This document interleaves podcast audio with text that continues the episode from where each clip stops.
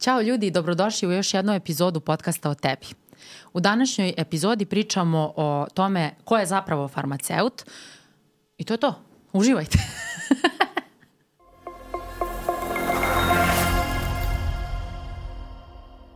U studiju je sa mnom moja dobra prijateljica i koleginica, magistar farmacije Aida Omerović-Tahto. Prvo pitanje, da krenemo odmah u centar. Da li je farmaceut isto što i apotekar? Pa, sad. I nije baš. Znači, farmaceut je neko ko može da radi više poslova i može da se bavi različitim aspektima. Ja bih prije svega rekla da je farmaceut učitelj, učitelj farmacije, kao što smo i rekla skoro u našem postu na Instagramu. Tako da e, farmaceut može da radi i u apoteci, može da se bavi kliničkim istraživanjima, može da bude i digitalni farmaceut. Može da radi kao stručni saradnik? Da, kao stručni saradnik. To znači da radi u a, prodaji lekova, da ide da promoviše nove neke terapije ili stare terapije, samo novo, novi brand da. leka. To je što se tiče stručnog saradništva. Takođe može da bude i u edukaciji. Može I... da bude edukator, da, jeste, da. da se bavi uh, predavanjima, da, da i... ima svoju školu. Tako je, u zavisnosti od toga da li je farmaceut završio specijalizaciju, neko može takođe postati specijalista kozmetologije, specijalista farmaceutske zdravstvene zaštite. Ima tu mnogo tih grana gde farmaceut vrlo dobro može da se snađe. E sad, uh, kako je biti farmaceut u teoriji? Ono što smo učili uh, u, u knjigama šta sve jedan farmaceut radi. Ti si farmaceut koji je zaposlen u apoteci, da. magistar farmacije koji radi u apoteci. Kako to izgleda u teoriji, a kako zapravo izgleda u praksi?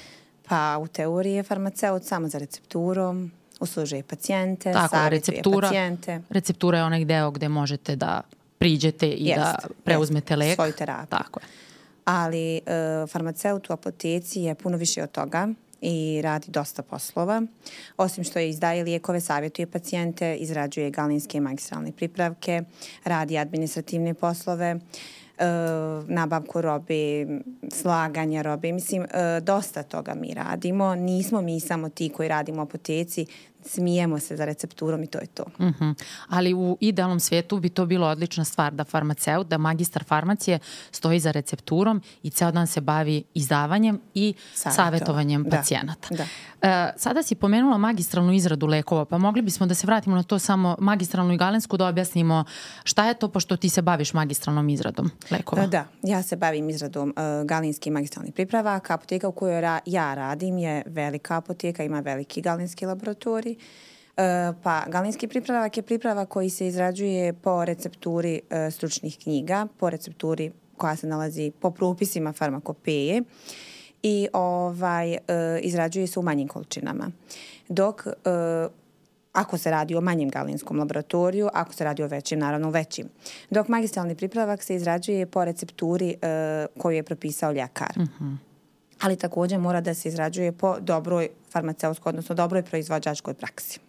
Jednom sam bila na nekom kongresu farmaceutskom i tu su bile neke starije kolege, ona starija generacija i jedna kolegnica se baš žalila kao a ovi mladi ništa njih ne zanima, eto ja imam u našoj apoteci se izrađuju magistralni pripravci i to nikog ne zanima.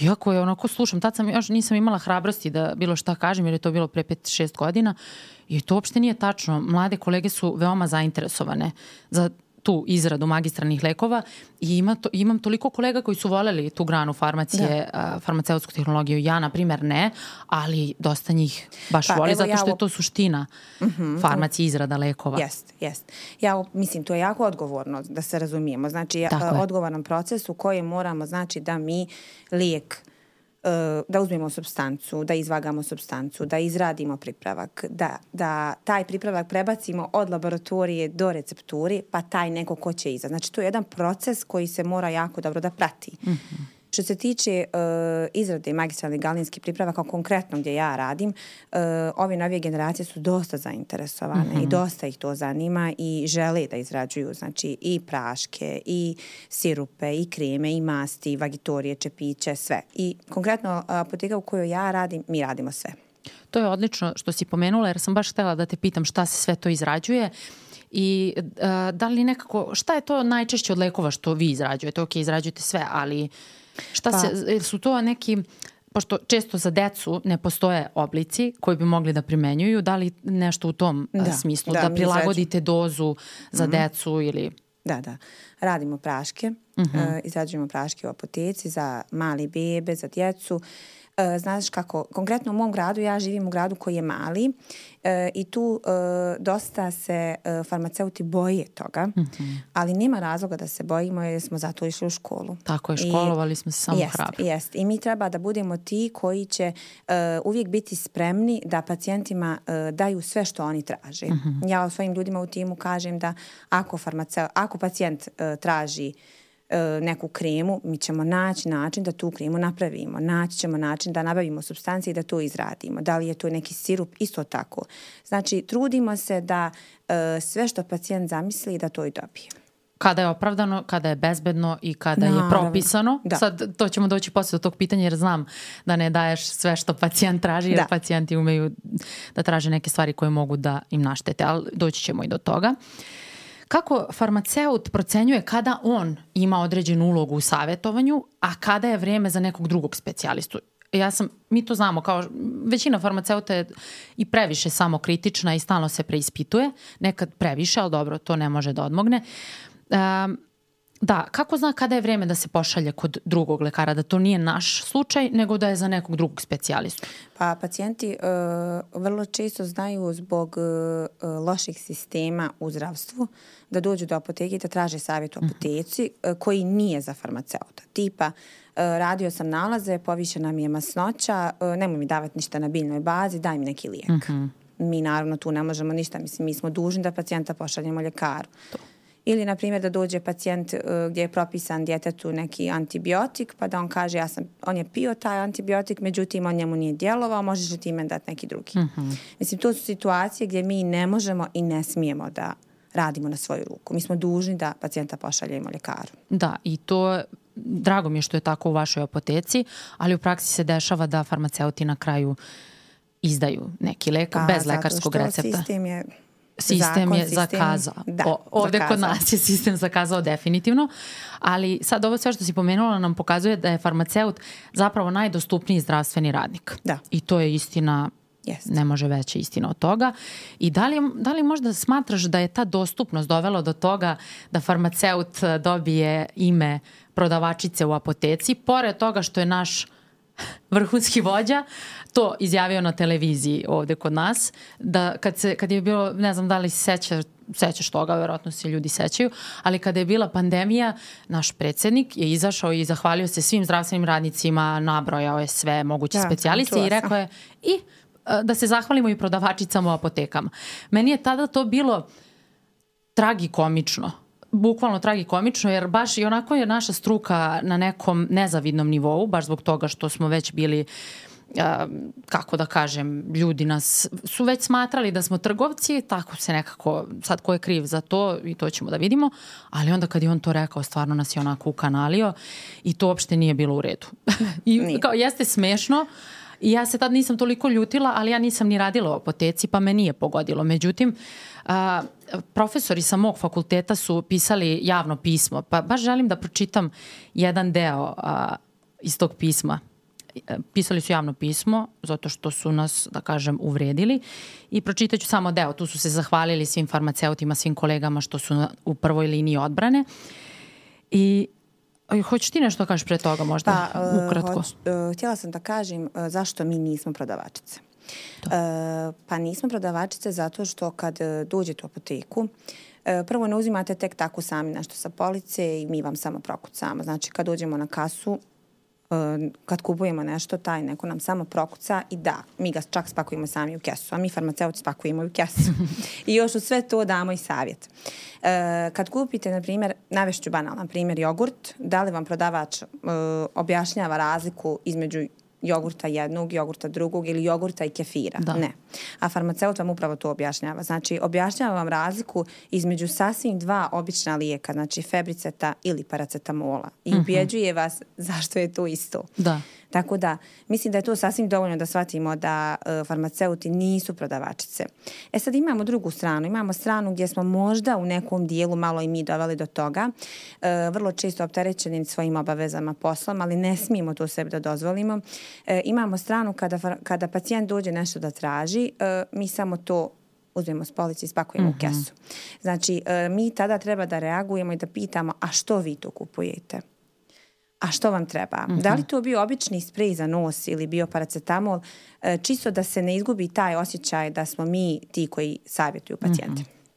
Tu bih pomenula i apoteke koje danas izgledaju potpuno drugačije nego što su izgledale pre i meni se one stare apoteke mnogo više sviđaju da. zato što nije bilo toga. Sad ono što si pričala, uh, Da, ljudi uđu u apoteku i mogu svašta da uzmu na svoju ruku, možda su zato istekli da uzmu sa police one suplemente koji, da, suplemente i proizvode koji idu bez recepta, kozmetiku. Pa čak i, onda, i uh, brufen paracetamol koji je bez recepta mogu sami da, da uzmu. Da, i onda dođu i to je sigurno doprinalo. I dođu da nesu samo ti prokucaš i to je to i ne pitaju te ništa. Tako je. I ja mnogo volim one stare apoteke i kad vidim tako, ne, bilo gde da odem, da otputujem, ja kad vidim takvu apoteku, ja, to mi je hobi, ja moram da slikam, da uđem, da se ispričam sa tim farmaceutima, jer stvarno se vidi velika razlika. Ali to nije do samog farmaceuta, to je do sistema koji je sve to promenio i do tih lanaca apoteka, do direktora. Nije to Jest. farmaceut samo, većim delom i nije. E, da, da pročitam ovo samo, pokušat ću da skratim, ali hajde, ok. Farmaceuti su kroz istoriju razvoja naše države uvek bili najdostupniji zdravstveni radnici. I kao takvi oni su i u velikim izazovima delili sudbinu svih zdravstvenih radnika zemlje dobro, malo su preterali. Apoteke su zdravstvene ustanove osmišljene u planu mreže da na primarnom nivou sistema zdravstvene zaštite budu njegov najistureniji element. Tako je bilo još od prve javne apoteke sa školovanim apotekarom pre dva veka, tako je i sada. U svim epidemijama, ratovima i pošastima sa kojima se Srbija suočavala, apoteke su ostajale otvorene, a farmaceuti su pružali svoj svakodnevni doprinos u održavanju pravilnog lečenja pacijenta u prevenciji bolesti i pružanju adekvatnih i stručnih informacija. I još jedan kratak da bi zauzeli svoje mesto u zdravstvenom sistemu. Pre, prebacit ću u prvo lice množine da malo pogodimo. Um, mi farmaceuti moramo da završimo fakultet koji traje 5 godina, zatim da obavimo pripravnički staž i da položimo stručni ispit. Tek tada farmaceuti uz druge medicinske radnike, lekare, stomatologe, medicinske sestre, farmaceutsko-tehničare, uz puno stečenog znanja zauzimaju svoje mesto u sistemu zaštite zdravlja stanovništva.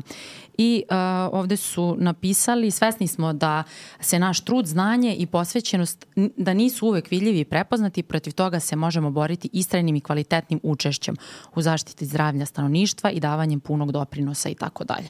Baš su lepo ovo saželi, yes. sve ovo što smo pričali. Da, da to je mislim samo je trebalo malo oštrije. U da, COVID-u je bio pa, slučaj. Pa to je baš posle toga i bilo. Aha, aha. Posle toga prodavačica u apoteci. Mi smo bili ti koji su da. bili najviše izloženi, da. koji su bili na prvom frontu. Tako je. I šta, šta ste vi, farmaceuti u apoteci, dobili za to, nego ovu užasnu etiketu? Da smo prodavačice. Da, da. Ali dobro, menjat ćemo to i ovim menjamo na neki način. A evo, nas dvije se trudimo da promijenimo koliko god možemo. Tako je. Uh, o, prva stvar je prodavačica u apoteci, druga stvar najzastupljenija kad kažem da sam farmaceut ide komentar kakva si ti farmaceutska mafija. da, da. Da li ti to dobiješ? Uh, pa da. Dobiješ. I meni je to, prvo sam se nešto kao, pričala sam s ljudima, ljudima pokušavala da objasnim, sad samo nasmejem i kažem jednu rečenicu, a to je da a, farmaceut, odnosno magistar farmacije i farmaceutski tehničar nije isto što i farmaceutska industrija.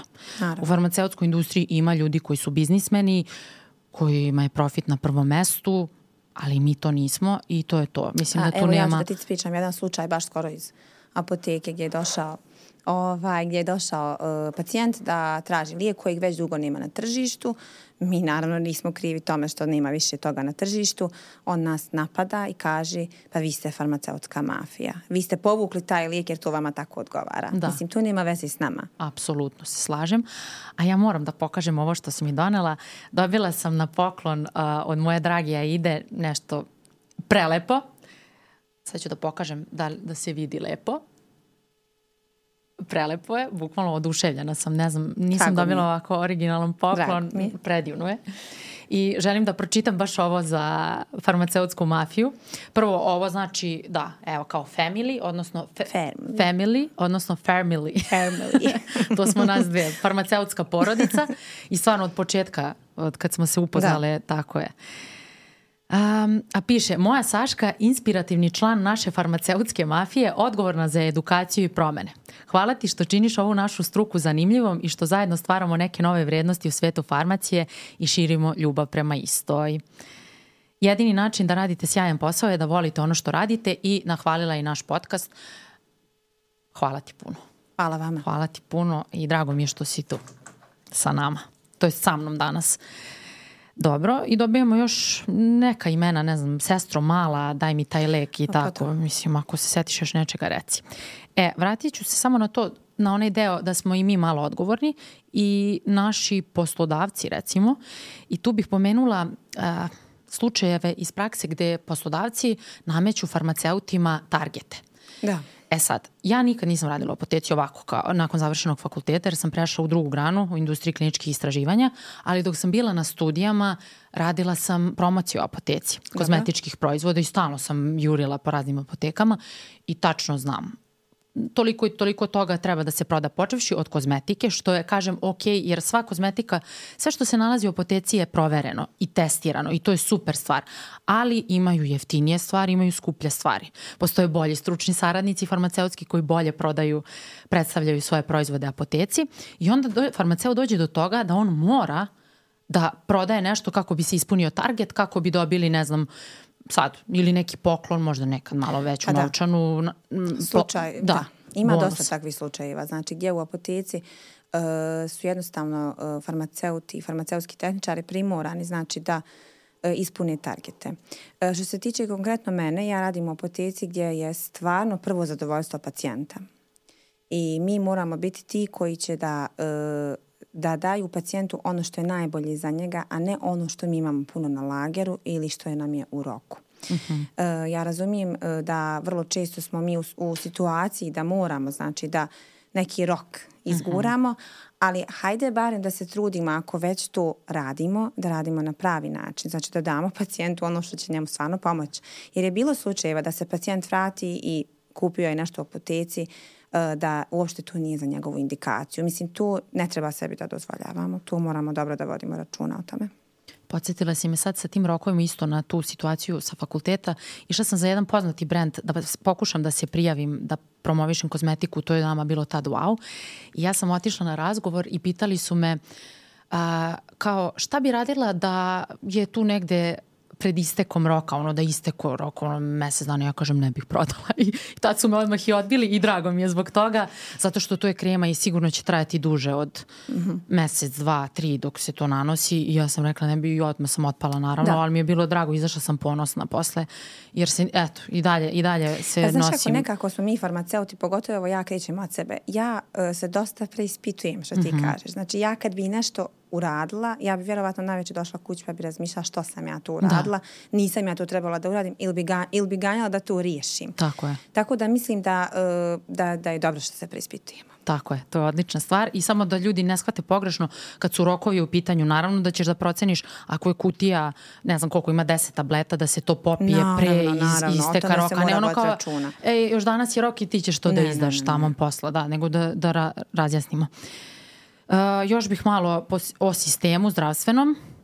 Uh, mi smo jako važna stavka u zdravstvenom sistemu i uh, da kažem negde na, uh, u toj piramidi zdravlja, ja mislim da farmaceut ima veo, veoma veliku ulogu, naročito u prevenciji. Dobro. Jer prevencija treba da bude baza tog zdravlja, a nekako mi se čini da nemaju svi zdravstveni radnici dovoljno vremena da pričaju o tome. Pa jeste. Pa e, što se tiče prevencije, e, svi se naravno vodimo zdravom prehranom. Znači mm -hmm. mi uvijek svi to govorimo, zdrava prehrana, šetanje, kretanje, dovoljno tekućine, ali mislim da e, farmaceut ima važnu ulogu u prevenciji i u suplementaciji. Znači, e, vrlo često e, smo pretrpani informacijama zdrava prehrana, a šta je sa suplementacijom? Mm -hmm. Znači, dođu situacije kad e, se pacijent boji uzeti suplement zato što je tamo negdje kod nekog da. pročitao da ne treba to da uzmi. Da. A postoji stanja kad jednostavno mora da se uzme suplement. Da, da. Mislim da su tu farmaceuti uh, glavni. Jeste. I treba da se ispre, pokažu u tom dijelu kao glavni, da, da pokažu svojim znanjem da, su, da smo mi ti koji smo zaduženi za suplementaciju. Da, i to. Pametnu suplementaciju uvek... i racionalnu e, suplementaciju. hvala ti puno. I što se farmaceuta tiče, uh, svi kukaju, ne svi, ali dosta kolega kuka kako je sistem ovakav, onakav, ja se slažem. Zdravstveni sistem je na nezavidnom nivou trenutno, možda mislim čak i najgore. Mislim da je na jako lošem nivou, kako kod vas, tako i kod da, nas. Da, mislim da je sad najgori neki period, nadam se da će biti bolje, a ne gore.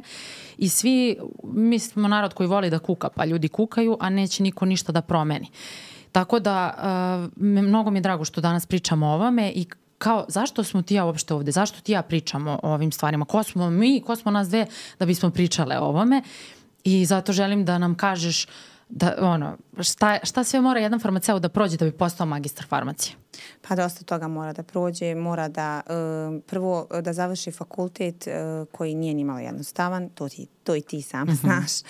Ovaj, I uh, tek pravi borbe nastaju upravo onda kad se završi fakultet. Znači kad ti dođeš u apoteku, ja pričam sad o apoteci jer ja radim u apoteci i kad shvatiš u stvari da ti još dosta moraš da učiš i da si tek krenuo, znači da si samo dobio papir Mm -hmm. Nažalost, tako je. Jednostavno, apoteka je nešto sasvim drugo, a fakultet je nešto sasvim drugo i praksa mm -hmm. je nešto treće.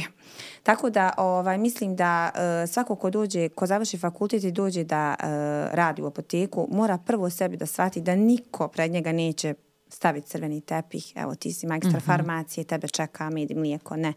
Znači tek tad počinju pravi borbe i tek tada znači počinješ da učiš i da radiš na sebi i da uh, u stvari uh, se istakne ono za što si ti išao u školu, znači savjetovanje, uh, prevencija zdravlja, uh, trud da se pacijentu objasni kako se neki lijek koristi, zašto se koristi, zašto se ne koristi. Mislim, sve ono što piše u sažetku lijeka, mislim, tu jedan da. farmaceut treba da dobro obrati pažnju Tako na to.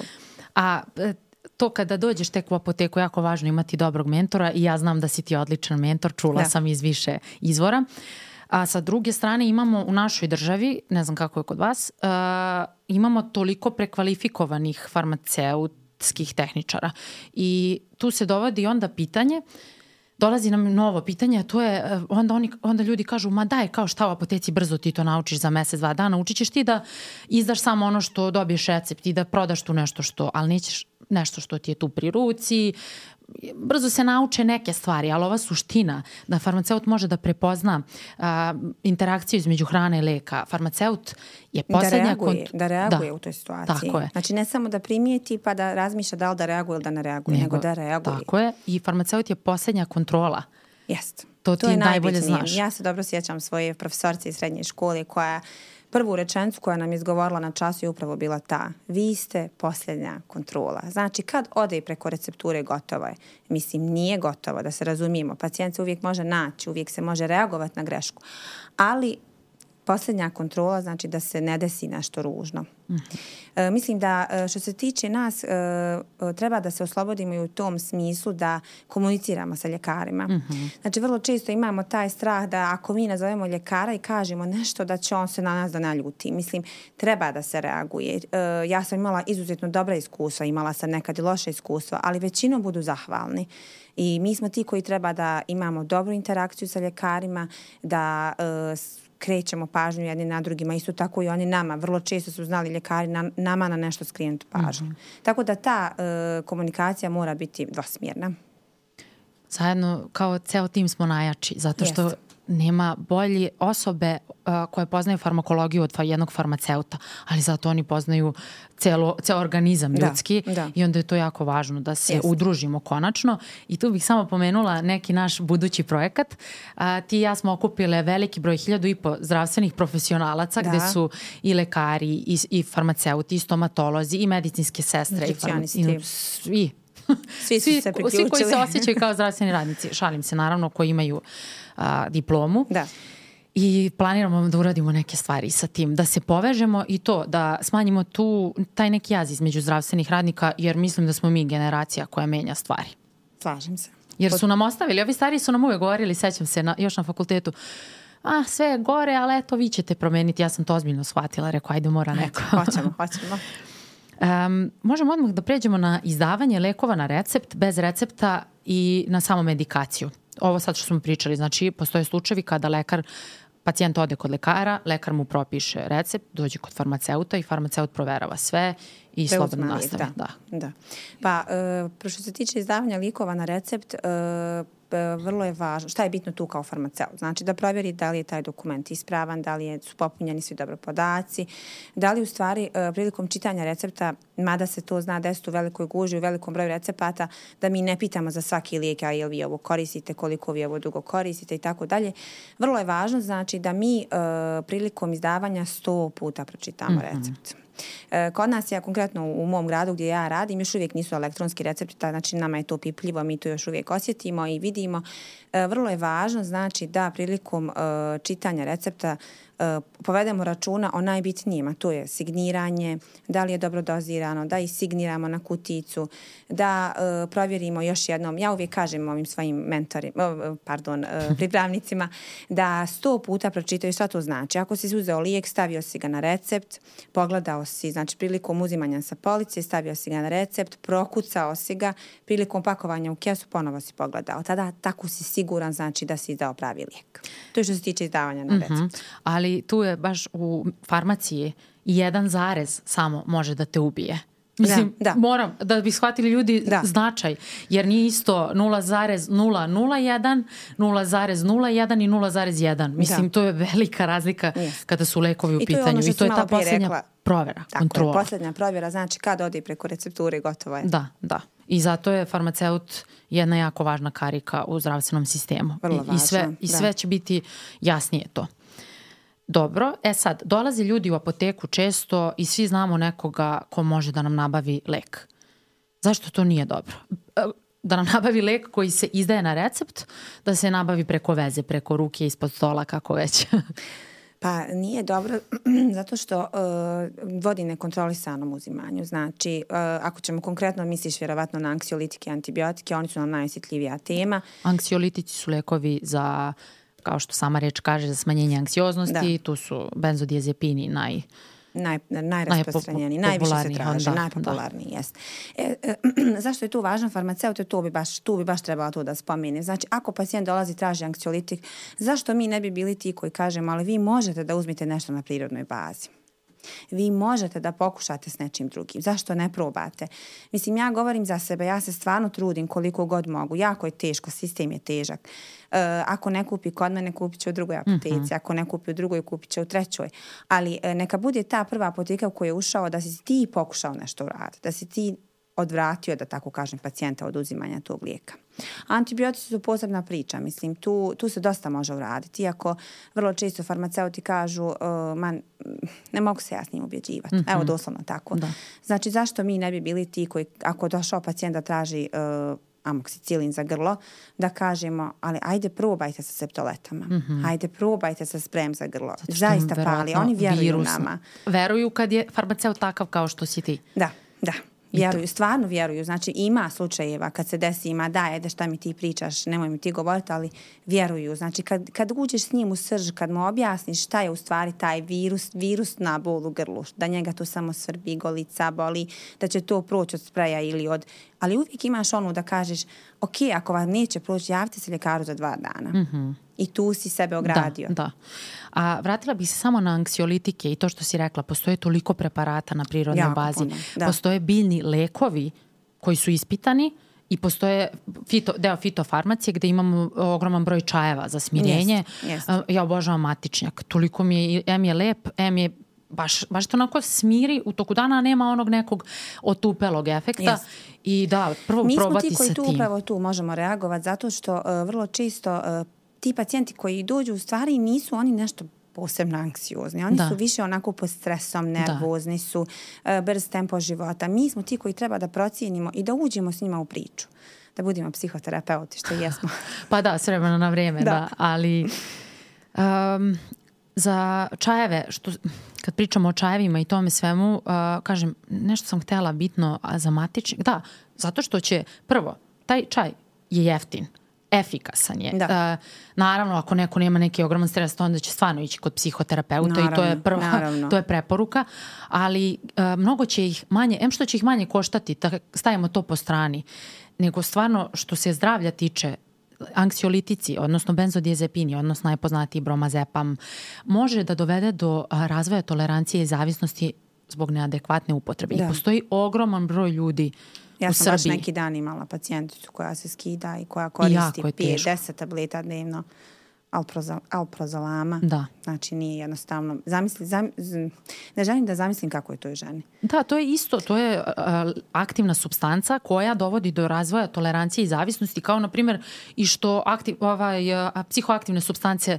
dovode. Da. Samo naravno efekti su drugačiji, ali skidanje isto ima jako nezgodne, neželjene efekte. Nervoza, anksioznost, da, da, da. lupanje srca. Evo sad što ti kažeš, baš dok si to ovaj, pričala, naumpalo mi je da vrlo često pacijenti znaju doći i reći uh, a nemoj mi davati nešto što će, me, što će mi stvoriti uvisnost. Mm -hmm. Znači i oni su svjesni toga. Dosta njih toga i zna. Da. Daj mi nešto na biljnoj bazi. Daj mi nešto što će me opustiti, a da mi neće stvoriti uvisnost. I to je dobro. Naravno. To je dobro ali opet ne treba da idu u toliko preispitivanje, ok, kritičko razmišljanje je ok, ali ono neko nešto kaže na internetu, nemojte da koristite lekove, to je sve farmaceutska mafija i to se susrećete s tim sigurno. Da. I onda neće ništa da piju. To, to je druga krajnost. Baš, e, to sad što si rekla, možemo spomenuti, vrlo često se dešava da trudnice ne uzimaju terapiju kako treba, zato što uh, se boji da neće dobiti uh, Uh, da, da to ne smiju popiti, da će naštetiti njihovom plodu. Evo, ja sam skoro imala slučaj gdje mi se trudnica znači, uh, javila u apoteku, uh, ja sam dobila amoksicilin, ali ja sam trudna, ja to ne želim da pijem. Ja nju pitam, pa jeste radili nalaze? Kaže, ja sam. Pa koliki vam je CRP? Bio je dosta povišen. Pa šta čekate? Da, to je onaj pa C-reaktivni ja protein da, koji se stvara... Da, prilikom infekcije. Da bakterijski. Vjerojatno je kod nje bila bakterijska infekcija, već je prešla, znači u bakterijsku nije bila virusna. Ovaj, ja kažem, pa što se bojite? Pa kaže, pa mene je strah, znate, ja sam čitala da ne treba tu piti u toku trudnoće, da, da pročitala je naravno. Ono što vrlo, vrlo često nama otežava posao je upravo to što oni otvori taj sažetak lijeka i pročitaju neželjena dejstva lijeka e, i ovaj, pročitala je da ne smije da se pije u trudnoći. Ali ja njoj kažem, vaš ljekar je procijenio da vi treba da pijete i vi, postoje slučajevi kad treba da se pije. Tako da mi Kada moramo je korist biti, mnogo, mnogo, mnogo, mnogo veća, veća od rizika. Tako je, tako je. I mi smo ti koji moramo u tim situacijama da reagujemo. Da, i to, ok, pro, on, otvore ljudi taj upucu za pacijenta pa se zbune, ali onaj veći problem jesu društvene mreže mm -hmm. gde ljudi koji se nemaju ni kredibilitet ni stručnost. Nisu samo društvene mreže, a, televizija je puna toga. A, ljudi bez kredibiliteta pričaju o temama o kojim nemaju pojma. Problem u tome što oni deluju jako samouvereno, jer to malo znanja što imaju, oni valjda tako dobro pripreme da onda opšta populacija veruje u yes. to.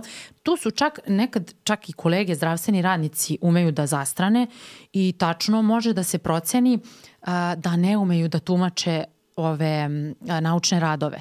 Jer sada postoji ceo predmet na fakultetima kako se tumače naučni radovi i to uopšte nije lako i tačno kad uđem na društvene mreže i kada vidim da neko lupeta bez filtera, mogu da vidim da li zna da koristi te baze podataka da. ili ne zna, zato što postoji toliko naučnih studija to treba da se objedini, da se proceni, da se vidi koja je validna, koja nije. Um, ima ali ljudi tako nađu jednu studiju, uhvate se za to i onda lupetaju, prevode nešto, čak nekad ni dobro ne prevedu. Da. I to otežava mnogo posao zdravstvenim radnicima, zato što tako do, dolazi i trudnici neće da piju utrogestan. Da, da, da. To, to je. Da, da, utrogestan zbog titan dioksida. Da, neće da piju zbog uh, adi. Genotoksičnosti, zbog, da. da, da. I onda, ali dolazi u rizik da izgube plod, zato što neće da slušaju lekara. I nije to prvi, nije to jedini slučaj, ima previše stvari. Bilo je takvi koje... slučajeva, ja sam čak imala apoteci za neke suplemente za trudnice gdje je bio titan dioksid, gdje su znači trudnice toliko isprepadane da ne piju svoju terapiju. Da, da. Pa idemo do te krajnosti, znači da, se, da su se počeli preispitivati čak i sirupi za skidanje temperature. Da. Znači, e, mora se voditi računa o tome da uh, temperatura je stanje koje se mora rješavati odmah. Nije da, bitno kada, koji aditiv da. ima u tom sirupu. Da. To je I kada pređe 38,5, jer do tad, zavisi da. naravno, pa, u evo, nekim znači, slučajevima. Uh, ja pričam kao majka i kao farmaceut, kroz praksu sam se susrela da već kad uđe u 38, već da treba uh -huh, da mhm, se reaguje, uh mhm. -huh. ulazim u sivu zonu i znači treba da se reaguje. To je stanje koje mora da se liječi. To je stanje koje ne može se liječiti krompirom, senfom, da. rakijom i tako dalje. Rakija nikako. Da. Pominjali smo, prvo imamo celu epizodu o antibioticima, a i o alkoholu, tako da pominjali smo to ljudi neka poslušaju tamo zašto ne treba, zato što uh, oblogi od alkohola da. jako brzo dovode do mnogo većeg skoka temperature, i tako da to je na, mislim, znam da je to pa narodski neki narodski lek. Narodski još stavljaju isto hladne obloge na noge. Treba mlake, ako već da. hoće obloge, mlaka voda treba. Pa evo, znači, e, već ću da iskoristim Može. priliku da spomenem. Ovaj, ja sam baš skoro bila kod e, jednog neonatologa na razgovoru, nešto smo, nešto smo radili i ja pitam baš e, za skidanje temperature i ona kaže da po novim smjernicama temperatura kad se da lijek, kad se da lijek, znači uh, brufen ili paracetamol, sačeka se nekih 20 minuta do pola sata i ide kupanje sa što toplijom vodom. Uh -huh, uh -huh. Što je logično, šire se krvni sudovi, pokreće se znači bolja i cirkulacija i brže će spasti temperatura uh -huh. i mhm. zaista djeluje. Dobro. I da završimo mi sa ovim a, širenjem dezinformacija što može, može. ja bih da se osvrnem a, da mi imamo neku našu malu borbu protiv toga jer ne možemo mnogo da uradimo, ali opet mravlji koraci pa učinit ćemo Jeste. nešto. Aida ima svoj Instagram profil Uh, sada si ga preimenovala u Aida Tahto. Aida Tahto. Mm -hmm. Ako kucate i magistra Tahto, izaći će. Izaći Aida Tahto. Da, i ja sam mag, uh, magistar, vidi šta lupam, zaboravila sam kako se zovem, vaš farmaceut na, na Instagramu i opet kažem zašto smo mi uh, sad kao zašto nas da pričamo o tome, zato što si ti jedan magistar, magistra farmacije sa godinama iskustva, da. sa kritičkim razmišljanjem, sa konstantnim preispitivanjem um, i još mnogo toga mislim vide sa ljudi po ovoj epizodi. S druge strane, ja pošto sam jako dugo misla kao ja sam mlada, pa šta ja to imam da kažem, shvatila sam da stvarno imam dosta toga da dosta, kažem, dosta. ali evo zato smo i napravili podcast, da što više ljudi sa pravim znanjem i iskustvom i pravim vrednostima dođe ovde da priča. I sada sam upisala i master na medicini, ti znaš, Čestitam. ajde moram malo da, da se pohvalim. Ja sam prva znala. Tako je. a, koji se zove na medicinskom fakultetu, što je opet odlična stvar jer ćemo se povezati sa medicinom, da, jer su da. na, nama ovde fakulteti razdvojeni, negde su spojeni i to je super stvar gde su spojeni. I master mi se zove medicina dugovečnosti i zdravo starenje i to nije nije ono bockanje, uh, nije ta anti-aging medicina, jer ja nisam lekar, ja ne bi mogla time da se bavim, uh, iako se razni ljudi bave time, ali dobro, nego ta prevencija, ta, uh, ka, to starenje na nekom uh, celularnom nivoju, kako to da to sprečimo, ali ono što je poenta ove mog hvalospeva jeste da prvi predmet koji radimo sada jeste ta analiza naučnih studija i to je toliko komplikovano. Mislim, ja sam počela time da se bavim zbog stranice i ranije, pa mi je ovo sad zanimljivo, samo se usavršavam. To je toliko komplikovano da ti nađeš dobru studiju i da kažeš da je da, nešto tako, da. da to kad neko kaže... I da je rastumačiš. Da, i postoji toliko način. vrsta studija, faktori koji utiču na to da li je dobar dobra studija, ali nije.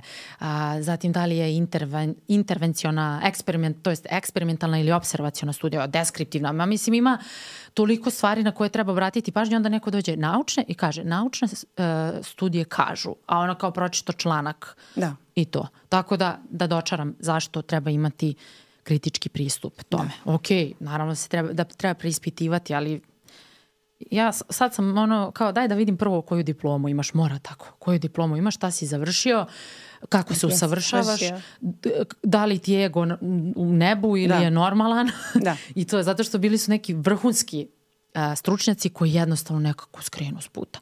Tako da ako skrenemo s puta, vraćajte nas. Obavezno. Obavezno. Mi ćemo se vraćati. Hoćemo, hoćemo. E. A, vratimo se na lekove. To je Dobro. naša omiljena tema. Volela bih da razgraničimo um, pacijenti kad dođu u apoteku ima milion lekova i a, postoji a, m, kako se ta, ti lekovi imenuju. Ja bih sad ukratko dala jedan primer. Na primer, ajde, najpoznatiji lek svi, svi znaju brufen. E, ime tog leka je u stvari ibuprofen, ali ajde da krenemo od samog početka. Znači, brufen je nastao ne znam kad, evo zapisala sam, 1961. godine. E, kada je, on ima svoje, znači to je jedan molekul koji ima i svoje hemijsko ime pre svega. I sad ću ja pročitam samo ljudi da shvate ono šta smo mi sve učili na fakultetu. Bože me sačuje. Hemijsko ime ibuprofena, taj neki molekul hemijski je 2,4,2 metilpropilfenil propanoinska kiselina. To smo mi znali. Da, da, da, ali to smo radili mi na fakultetu, da. ali mi smo znali kad nacrtaš strukturu, da. onda znaš i da, da znaš kako se zove. To je hemijsko ime. Zatim, kada je taj lek uh, odobren, kad su završena klinička istraživanja, on je dobio ime ibuprofen. I to je bio prvi lek, je bio ibuprofen. I on je dobio patentnu zaštitu. Da. Šta to znači? Znači da taj koji je prvi to našao, treba, mislim, i da ima nešto od toga da bi mogao dalje da istražuje. I to je značilo da ko pronađe određeni lek prvi, a, on ima tu, taj lek ima patentnu zaštitu 10 do 15 godina i samo on može da proizvodi taj lek. Da ne bi bilo sad da je on našao tolike novce, uložio u to i sad će svako da dođe tu da proizvodi. Ne, ima patentnu zaštitu i to traje 10-15 godina sad, ne znam, ali to je um, okvirno. Kada istekne patentna zaštita, onda drugi proizvođači mogu da počnu da proizvode lek. A, ovaj o, ime se zove, ovaj ibuprofen, to je nezaštićeno, ne, međunarodno samo da im, međunarodno zaštićeno ime leka. Da. To je zaštićeno. Generički naziv. Da, a onda kad ovi krenu da proizvode, to je razne kompanije, da, da. mi sad ne znam, za Brufen ima raznih. Narodski fabrički naziv. Fabrički naziv, trgovački, ajde da kažemo, i to je zaštićeno ime. Jest. I to imamo, mislim, mi ovde sad smemo da pričamo o tome jer je ovo edukativne svrhe, mi ovde nikog ne reklamiramo, baš me briga, uzmite najjeftiniji Brufen ako mene pitate. Uh, brand ime, uh, za Brufen, na primer, ono što sam ja našla, Bruf, ok, Brufen je brand ime zapravo, iako je ono najpoznatije, da. kao prešlo je i taj to prvo ime ibuprofen. Zatim Brufen, Advil, Motrin, Nurofen, Rapidol, Spedifen. Neofin. Eto, dodala si, da. I onda ova priča važna zato što pošto ja ne radim u apoteci, ja ova imena ne znam, niti, me, ne, niti moram da ih znam. I onda kad dođe neko i ta, pita me, na primer, uh, e, šta je nurofen? Ja kažem, mislim sad banalizujem, ali ja kažem, ajde pročitaj šta je ono sitno dole, ispod tog imena, šta to znači i tu ćete pronaći da je to ibuprofen. I to je jako važno zato što nekad ljudi, sad ćeš nam taman to predstaviti, dođu u apoteku i traže isključivo taj, to ime leka. I onda ti moraš da im objasniš da je to isti lek sa istom aktivnom substancom, sličnim pomoćnim substancama, odnosno paralela. Pa da, paralela, znači e, vrlo je teško to pacijentima objasniti. Pa evo sad, mislim da smo lepo sad objasnili. Pa to je velika, pa jesi lijepo si ti to objasnila, ali to je velika borba. Znači pacijent kad dođe, on traži isključivo taj lijek. Čak dođe i kaže daj mi onu roze tableticu. Daj mi znači, onaj najskuplji. Dotle, ili daj mi najskuplji, ili daj mi roze tableticu. Ti ako da. ne znaš koja je to roze tabletica, nije dobro. Pa znaš kako, Saška, ovaj, to su borbe koje mi svakodnevno vodimo i mi moramo, znači, da pacijentima pokušamo objasniti. U velikoj većini slučajeva, ako si ti dobar farmaceut, ti ćeš to njemu i objasniti. Znači, da, ako on traži ovako. pantoprazol, da. ti ćeš njemu dati pantoprazol, kontrolog, da. drugi, drugi znači fabrički naziv i on ako tebi vjeruje on će njega i uzeti. Isto tako i za brufen. Znači ako da. traži brufen i ti mu daš ibuprofen, on će tebi vjerova znači da je to ibuprofen. Znači mi smo ti koji se moramo potruditi da to objasnimo. Da. Ja opet idem, kad, uvijek idem ka tome ako pacijent je došao i traži kontrolog mm -hmm. i ja nemam nekim slučajem kontrolog, daću mu pantoprazol, ako on insistira na kontrologu, potrudit ću se da mu objasnim najbolji, najbolji mogući način da je to isto. U velikoj većini slučajeva pacijenti vjeruju, ali mm -hmm. postoje pacijenti koji insistiraju samo na tome i šta ćemo? Da, on ništa onda odu u drugu apoteku, ali eto, paralela je uglavnom skroz bezbedna, e, ne, ne uglavnom, nego uvek je bezbedna. Lijek, identičan, lijek, da. da, da. Uh, samo ima druge, drugog proizvođača, drugog drugi proizvođača, branding. druge pomoćne substance. Tako, neko, to je da. što ga može razlikovati. E, I samo u posebnim slučajevima ne treba menjati uh, lek, a to je kod osetljivih stanja kao što je, na primjer, epilepsija. Da, da. I to je isto u onom slučaju, ako lekar proceni da može, onda može. Jer naravno da je važno, ako dođe do nestašice nekog leka, mora da uzme drugi, ali to Koji, će lekar da. propisati. Ali u tim slučajevima je jako važno kod epilepsije da bude isti lek u jako yes. dugom vremenskom periodu. Yes dok lekar ne kaže drugačije, zato što nekada to su osetljive stvari i može doći do promene zbog različitih substanci. To je ono što mi prvo pada na pamet, sve ostalo paralela, ako, farmaceut, ako je farmaceut proverio paralelu, nemate da brinete. Um, još mi je nešto palo na pamet dve stvari. Prva stvar, to, sad ću malo da pričam o stručnim saradnicima. Znači, ima milion proizvođača sad brufena. Stručni saradnik dolazi u apoteku i prezentuje svoj proizvod farmaceutima. I tako, mislim sad, ok, naravno, neki proizvodi su stvarno bolje jer imaju drugačije oslobađanje, to ti znaš od, da. da nam ispričaš, imaju, ne znam, modifikovano oslobađanje, da se ne oslobađaju želucu nego u tankom crevu i tako dalje. I u nekim slučajevima je cena stvarno opravdana da je skuplja od nekog običnog leka, a u nekim slučajevima nije i u nekim slučajevima je samo branding u pitanju, da. naročito za suplemente, opet i tu ima neki su stvarno malo bolji, neki su katastrofa, a cena im je do neba. A suplemenata ima mali milion. Da Uh, to sam prvo htela kažem. Znači, stručni saradnik je tu da objasni naravno da objasni da je taj lek, taj lek je ispitan i on je dobar i neće da našteti, ali ćete ga možda platiti papreno zato što je stručni saradnik vrhunski u svom poslu i to je predstavio kako treba. Tako da tu treba imati neku granicu i to ono, ja znam da ti kao farmaceut uvek gledaš dobro, za tebe mogu da garantujem da gledaš dobrobit pacijenta uvijek. pre svega i uvijek. neki ljudi jednostavno, mm -hmm. ali meni bude žao kad dođu bake i deke u apoteku i ono vidiš jedva se skrpe za osnovne stvari životne i onda kupuju neke skupe suplemente. Baš mi bude nekako žao. A mi smo ti koji to treba da procijenimo. Da. Znači da pazimo. Da. da ako pacijent tra, ako procijeniš da pacijent ne može da plati, ajde potrudi se dajmo neki drugi Jeftiniji, lijek koji da, je jeftiniji, da. a koji će djelovati. Tako je. Pošto smo pominjale temperaturu, možemo da se vratimo na doziranje brufena i paracetamola. E, što se tiče uh, doziranja paracetamola i brufena, uh, mislim da su tu farmaceuti vrlo važni zato što uh, roditelji često subdoziraju djecu, to jeste ne daju dovoljnu dozu paracetamola ili brufena iz razloga što misle da se daje ista doza i pri 38 sa 5 i pri temperaturi sa 39. Zato je važno da mi budemo ti koji ćemo kad dođe pacijent u apoteku da ga pitamo koliko dijete ima temperaturu jer često pogotovo stariji ljekari, neka mi ne zamjeri, ovaj, ne napišu uh, tu veću dozu koja je potrebna. Znači mi smo ti koji treba da pitamo kakva je temperatura, uh, koliko je visoka i da sprem toga doziramo sirup. Pa ako treba da ispravimo znači doziranje od ljekara, treba da ispravimo. Je samo što se pacijenti tu bune malo, jel da? Kad... Pa buni se. Da. Vrlo često znaju reći a što ti to meni sad mhm, mijenjaš, mm -hmm, a što -hmm. ti to meni sad govoriš, ali potrudi, potrudim se zaista da uvijek objasnim na pravi način, da kažem da je to za dobrobit djeteta i u velikoj većini slučajeva uh, ti pacijenti se vrati da zahvale i da kažu da, da im je pomoglo. Mm -hmm. Uh, kad smo već pominjali brufen, tu je cijela grupa tih lekova protiv bolova, protiv uh, inflamacije, odnosno zapaljenja, temperature. To, su, to je grupa lekova koji se zovu nesteroidni antiinflamatorni lekovi. Uh, koji, Šveberke. Da, baš smo, ali dobro. Tu spadaju to ibuprofen, acetilsalicilna kiselina, naproksen, naproksen um, nimulid. Nimulid, nimesulid. Da, nimesulid, da. Eh. E, imamo diklofenak. Tako je. I uh, u dosta država a, taj lek, ti lekovi se izdaju na recept. Kod nas to nije slučaj, stvarno možeš Dosta da... njih je bezreceptnih. Da, i uzimaju, uzima se tako. A, svaka kuća ima te proizvode. Međutim, ja smatram da je da bi bilo bolje da budu na recept. Zato što svaki lek ima svoje neželjene efekte. Naročito ti neželjeni efekti se pojavljuju ako se a, lekovi upotrebljavaju neadekvatno iracionalna da. upotreba. Pa evo, mi smo skoro imali slučaj gdje je bila pacijentica koja je, koja je upotrebljavala nesteroidne antiinflamatorne lijekove u ogromnim količinama da su morali da je uključe infuzije magnizijum sulfata.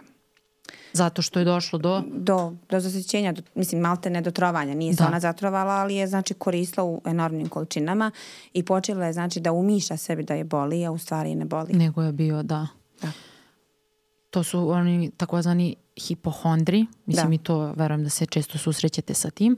Takođe, ovi lekovi koji imamo svi u domaćinstvu a, mogu uticati štetno na ceo gas, a, ceo gastrointestinalni trakt, naročito na želudac da. i ako se prekomerno koriste, mogu da oštete sluzokož želuca, da, da dovedu do čira, da povećaju rizik od nastanka helikobakter pylori, odnosno bakterija koja Ali, može da se opet, nastani. Ali opet, Saška, sad uh, vezano za to što ti kažeš uh, bezreceptni su lijekovi. Da, jesu, da. ali opet smo mi tu, znači, glavni. Da, ali ovo ću da kažem okay, da ljudi treba da znaju da to nisu bombone. Da, I da može... mi smo tu ključni. Da, da pitam, a što uzimate taj diklofenak? Ok, pijem ga povremeno, pijem ga za menstrualne bolove, ali samo ga tad pite Navodim primjer.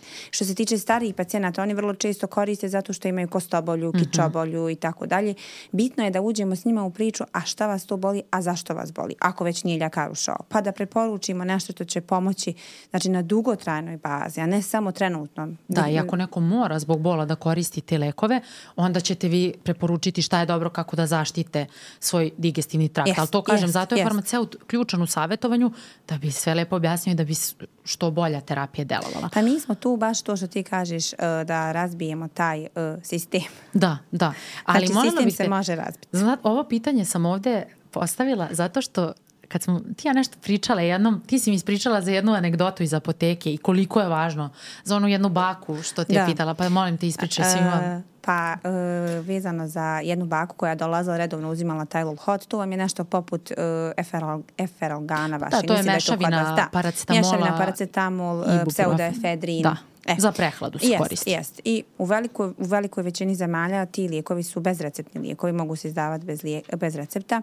Vrlo je važno znači uh, da uh, pričamo s pacijentima. Bila je jedna znači, baka koja je dolazila svaki treći, četvrti dan i uzimala je taj Tylul i već peti, peti, dan, peti put kad je došla, ja sam je pitala zašto vi, pa vi ste skoro bili, zašto to ponovo uzimate? Kaže ona, pa znaš sine, ja to iznesem svoj, svojim komšinicama kao suk. Mislim, strašno. Pa jeste, mislim... I smiješno i strašno. Da, što, se, što se kaže tragikomično. Tragikomično. I to kao nije ova priča sad bila da se mi nekom podsmevamo ili tako nešto, ne, ne. nego koliko je bitno. I da, uh, opšta populacija ne mora da zna sve to, ali treba da ima strpljenja i da sačeka, da čuje dru, šta je farmaceut ima da kaže, jer nekad stvarno farmaceut ima velikog utice, naročito kad pominjamo a, kod starih ljudi imamo ogromnu količinu lekova koji piju i to možemo, sad možemo da pređemo tamo na to kad smo um, uloga farmaceuta uh, je veoma važna, naravno kada se izdaje lek, da kaže kada se koji lek pije. Da. I, uh, pa najbitnija. Da. Jer e, što se tiče lijekova, e, već, u većini slučajeva na recept uvijek ljekar napiše jedan puta jedan, da. dva puta jedan, da. tri puta jedan. Mi smo ti koji prvo treba da razjasnimo šta to znači dva puta po jedan. Znači da je to jedna uve, ujutro jedna uveče tableta. Šta znači jedan plus nula plus jedan, da je to jedna ujutro, ništa na podne, jedna uveče. Mm -hmm. Ali je važno, znači pogotovo kod hroničnih bolesnika da kažemo pacijentima kad se koji lijek pije, jer će na taj način da on najbolje djeluje. Tako je, tako? da. Pa možemo da počnemo sa nekim primerima. Pa evo, na primjer, uh, za statine je karakteristično da se piju uveče. Znači, likove za masnoću se piju uveče. Da, zato što jetra uveče. Da, pojačano luči masnoće. Da. Zatim, uh, metformin se pije u toku jela. Da, i kao e, bolji efekt bi bio na prazan stomak, međutim, mnogo veliki broj ljudi ima neželjene efekte i to zavisi, tu, na primjer, zavisi od oblika. Da. Leka ima metformin koji ima produženo oslobađanje, mm -hmm. to je lek za snižavanje šećera u krvi, koriste ljudi koji imaju insulinsku rezistenciju i, I diabetes. diabetes. I to kao, da, zavisi od formulacije. Uh, a, ako je onaj sa produženim oslobađanjem da se postepeno oslobađa, onda nema toliko tih neželjenih efekata i kao bilo bi bolje da je na prazan stomak, ali ljudi koji imaju jake neželjene efekte, mučninu, povraćanje, da. uz obrok. Bolje uz da, obrok, da. jest. Da. Lijekovi za izmokravanje, diuretici, znači da se uzimaju ujutro, a ne na veče. Da, logično. da ne biste nas to pustajali. Da, da. To su tako male stvari, ali vrlo znači pacijentima. Menjaju kvalitet treba... života. Jest, jest. Poboljšavaju. Jest. Da.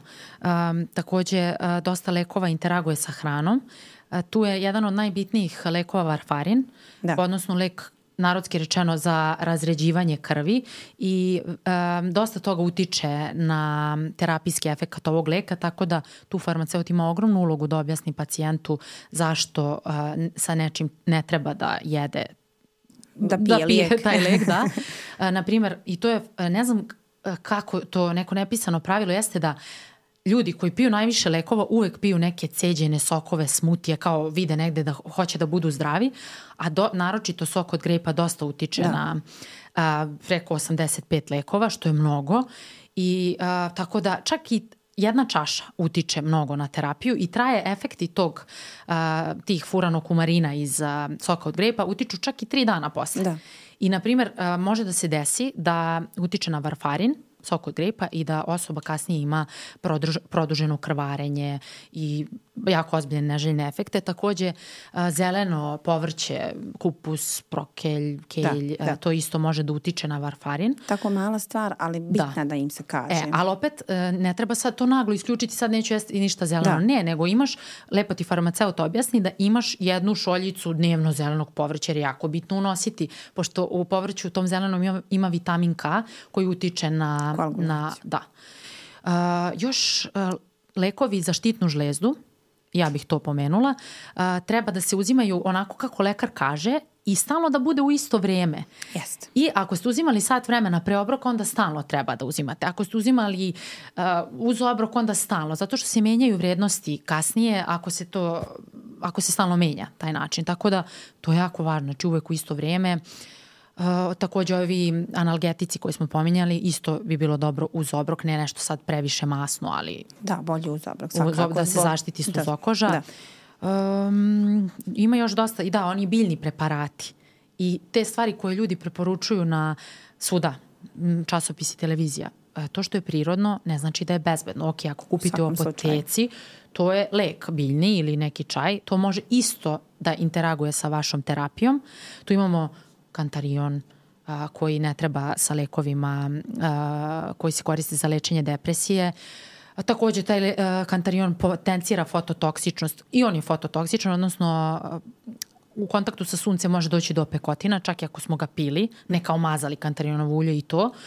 I utiče na mnoge, na veliki broj lekova. Uh, da, znam da ljudi vole da piju taj čaj od kantariona. A to što si sad rekla za sunčanje, znači, baš je skoro bio slučaj uh, ljetos na platformi na Instagramu i neko objavio da treba da se maže kantarion. Ulje od kantariona. Ne, znači ulje od kantariona može uveče Mada ja to ne bi preporučila leti nikako da se namaže ako je došlo do nekih opekotina da. nešto zato što se nisu štitili preko dana. Jer kao ulje od kantariona ima to uh, um, regeneriše kožu, ali ne treba zato što ulje od kantariona vam može izazvati ozbiljne opekotine, zato što je fototoksičan kantarion.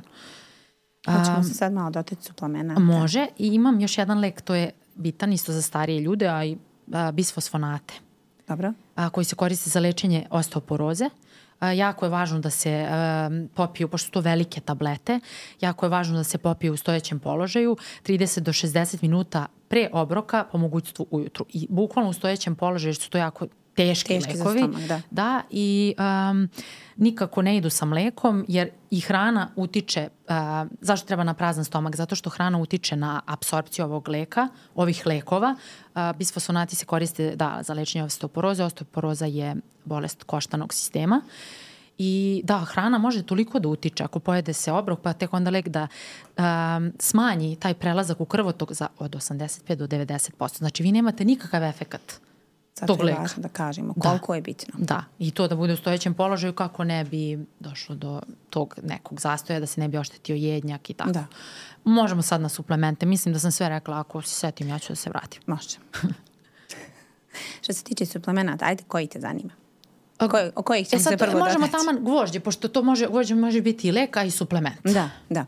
Pa, uh, uh, to sam baš skoro isto kad sam pripremala nešto, ovaj, uh, gvožđe je definitivno najveći nedostatak i gvožđa u, u prema podacima Svjetske zdravstvene organizacije i vrlo često pacijenti dolaze u apoteku po savjet šta da pijem od gvožđa, koji suplement da uzmem, ne mogu da popravim željezo, e, pokušala sam sa pekmezom. Vrlo važno je da kažem ovdje znači da e, postoji stanja kad jednostavno ne može se e, reagovati sa hranom uh -huh. i mhm. farmaceut je tu vrlo, vrlo važan. Znači ne možemo mi e, govoriti ljudima pomoći će vam to, a ne preporučiti mu neki suplement a suplement će sigurno da mu popravi stanje željeza u krvi. Što se tiče konkretno željeza, željezo je najbolje uzimati, to jeste najidealnije uzimati na prazan stomak, međutim on vrlo često stvara tegobe, te ga možemo uzeti uz malo hrani. Uh mhm. -huh. I tu isto ima dosta različitih proizvoda, različitih oblika gde neki preparati stvarno imaju manje neželjenih efekata. Da, da, da, sad pogotovo. Da. Sad se sve više i više radi na tome, znači da, uh, da imaju što manje neželjenih efekata, da su što lakši za stomak i sve više takvih oblika na tržištu.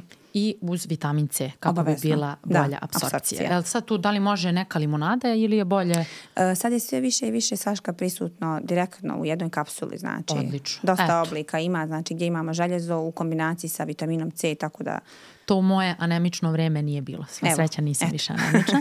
Dobro, vitamin D, to mi je zanimljivo. E, što se tiče vitamina D, da, vitamin D je jako postao popularan, pogotovo posle COVID-a. Uh, I moja preporuka kad smo se već dotakle vitamina D jeste da svaki pacijent treba da uključi vitamin D od uh, oktobra do uh, marta.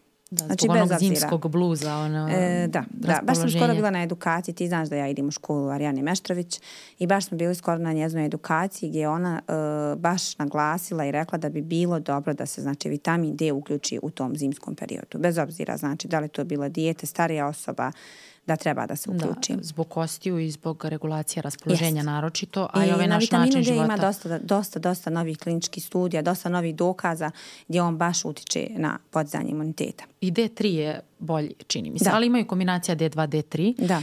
I a, samo bih se nadovezala da vitamin D se uzima uz obrok koji da. je masniji, ali to ne znači najobilniji, najobilniji da, ali to ne znači da možete da pojedete burek i da uzmete vitamin D jer se neće onda preći u krvotok zato što će da ode, ostane sa burekom. Da.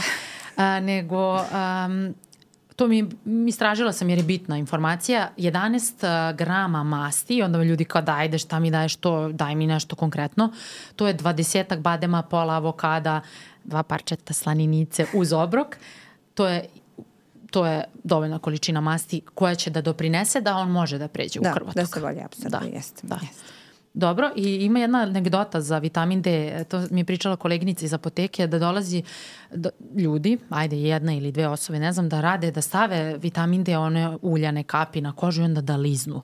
Znači, ne. Mm, tu privučujem. pa, pa dešava se svašta, do, doći ćemo i do anegdota posle. Znači, bolje na hranu ili ne znam, da, Ja sam stavljala na te moje... Ma sad ima raznih oblika vitamina D. Znači da, uljanih ali kapsula, su... uh, ima dosta uljanih kapsula, dosta sprejeva. Ali znači, nekako mi je ono tečno najbolje, čini mi se da je najbolja resorpcija. Pa da, jeste. Da. Ali evo što se tiče tih tečnih, u spreju je najlakše da, primijeniti. Da, super, super. Možemo dalje sa suplementima. Uh, što se tiče, pa evo ići ćemo ovi koji su najpopularniji. Što se tiče magnezijuma, preporuka je znači da se magnezijum uzima uveče, zato što on djeluje opuštajući na naš nijedni mišićni sistem. I to zavisi koji oblik je u pitanju? E, da. Što se tiče magnezijuma, on njega imamo u različitim oblicima. Od magnezijum citrata, magnezijum bizglicinata, magnezijum oksida, sulfata. E, tako da vrlo je važno, znači, e, kad, odemo, kad odete u apoteku da kažete, da kažete farmaceutu koji u stvari oblik želite, jer nisu svi isti. Tako. Nemaju svi istu apsorpciju. I za ovo opuštanje ide magnezijum citrat i uh, bizglicinat i magnezijum glicinat. Da, da. A magnezijum oksid To on, je, naj, on je najrasprostranjeniji magnezijum oksid, mislim to je stari da, oblik ali magnezijuma. ima mnogo neželjenih efekata da. i to ljudi treba da znaju. Da. I eto, tu isto postoji razlika u ceni jer ovi su skuplji zato što je teže razviti taj oblik, taj oblik da. a ima manje neželjenih efekata jer magnezijum oksid ako popijete dobit ćete uglavnom dijareju i u da. nekim slučajima je to ok za ljude koji imaju konstipaciju, odnosno zatvor, ali za druge ljude je problem jer ti ujutru daj mi malo energije. Pogotovo ako se uzme doza koja nije potrebna. Da, i tu opet ulazimo u moment da razni uh, ljudi koji nisu farmaceuti, nisu lekari, uh, nego treneri, ima ljudi koji stvarno lepo prilaze toj temi i stvarno lepo pričaju o tome, a ima rade, ljudi da. što neke ludačke doze vitamina D, magnezijuma preporučuju. To možda trenutno izgleda da ima efekta, međutim može doći do hipervitaminoze koja može imati ozbiljne koja posledice na tijelo. Koja je dosta obiljnije stanje, da. ozbiljnije stanje od hipovitaminoze. Tako je. Znači hipervitaminoza je dosta ozbiljnija. Da. I ljudi nekad zaborave da kažu lekaru uh, da uzimaju toliko toga, da. a dođu po nešto, ne znaju šta im se dešava. I onda je tu neki začarani krug, samo zato što je to piju. Nisu, a tu ni se to nisu na ovu našu racionalnu suplementaciju. Da, da, da. A tu smo zaduženi mi, Tako farmaceuti.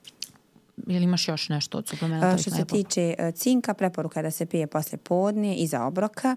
E, omega masne kiseline, one se mogu uzimati i ujutro i uveče, ali e, preporuka je da bolje je da se uzmu uveče. Mm -hmm. Mislim, to su neki rasporedi koji su bolji za njihovo djelovanje i mislim da to ljude dosta zanima i ljude interesuje kad će popiti. Osnovno pitanje koje, farmaceut, koji pacijenti pitaju farmaceute je a kad ću ja to popiti? To je odlično, da. napredovali da. smo, pošto je pre bilo daj sve daj odjedno. samo i to je da. to.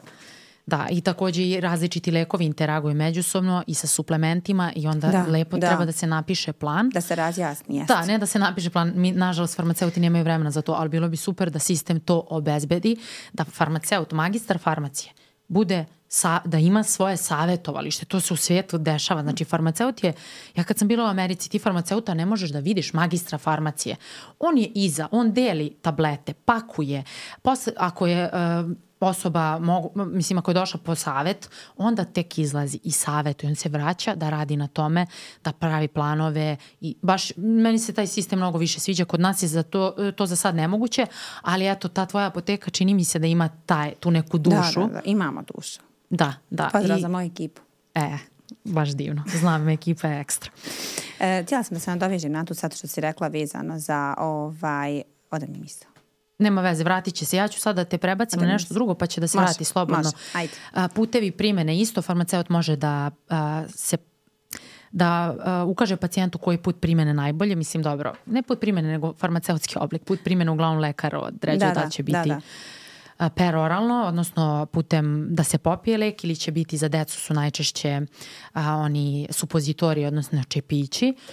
Um, da, ima, ima slučajeva da ljudi ono, samo uzmu, kupe to pa se dešavalo da popiju čepić da, koji da. treba da stavi analno analno stavlja, oni uzmu i popiju to, da. vaginalete isto. Znači... Evo kad smo već kod toga jednu anegdotu, nas je skoro pacijentica nazvala za neki, u nekom selu je bila u nekoj uh mhm. -huh. apoteci i podigla je ovaj e, čepić i naš broj je našla na internetu i kaže ona nazvala nas, kaže kako ću ja ovo da popijem? Da. Da, e, tu smo da, mi da, bitni. jer je ve, ono je, tu smo da. bitni. Evo, vratila mi se misao.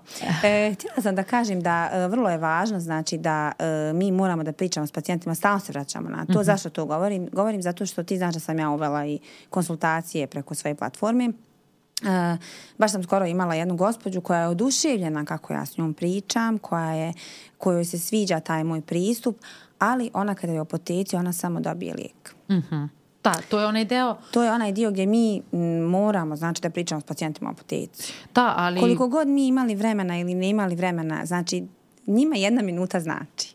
To znam, ali onda treba uh, svi zdravstveni radnici da ustanu i da se pobune. Da. Zato što onda hoćemo vreme za to. Da se pobunimo, mislim, izađemo lepo šetamo, pri, uh, neće, ne znam šta, smislit ćemo nešto, da.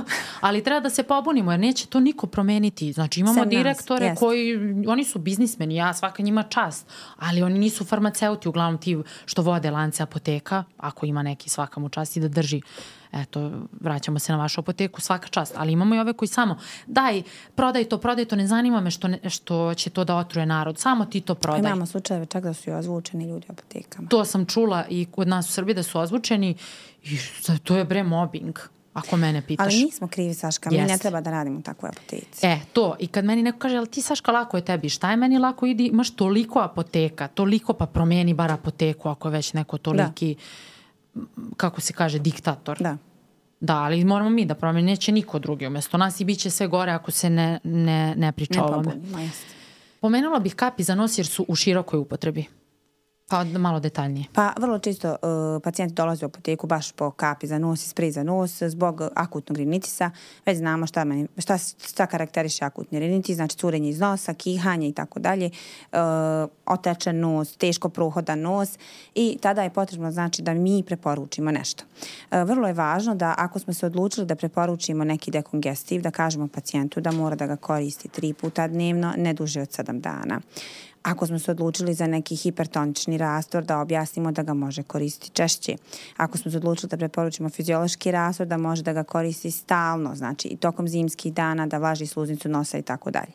Ali ono što je bitno, Saška, jeste znači da e, naglasimo za te e, dekongestive da stvaraju ovisnost. Tako Hoćeš je. nam ti objasniti? Hoću. I tu dolazimo do drugog problema. Znači, kada ne slušate svog farmaceuta i ne upotrebljavate kapi ovako kako je Aida navela, dolazi do pojave medikamentoznog rinitisa. Da. Znači, već je onaj problem koji je, zbog čega ste se javili, to, je već pro, to bi prošlo da ste upotrebljavali kako treba. Da. Međutim, i žene i muškarci rizik je sličan i kod dece takođe. Um, naj, najveći uzročnik jeste uh, neadekvatna upotreba kapi za nos, ali takođe mogu biti neki drugi lekovi, um, nisu, neki antihipertenzivi, odnosno lekovi za snižavanje krvnog pritiska, neki hormoni i neki nesteroidni antireumatici. Ali dobro, to far farmaceut zna, ali da se vratimo na kapi za nos. Zašto se dolazi do toga? A, kako deluju ti dekongestivi, te aktivne substance? Kada imamo taj rinitis, kada se otekne nos, kada je začepljen, znači dolazi do vazodilatacije, odnosno opuštanja krvnih sudova da. i onda imamo taj otok. Kada se primeni kada se primene kapi za lek, aktivna substanca deluje tako što deluje na alfa-1 receptore, to je ovo za one koji više žele da znaju, i onda dođe do sužavanja tih krvnih sudova i onda možeš da dišeš zato što se skupi ta sluzokoža, krvni sudovi sluzokoža. To je mehanizam dejstva.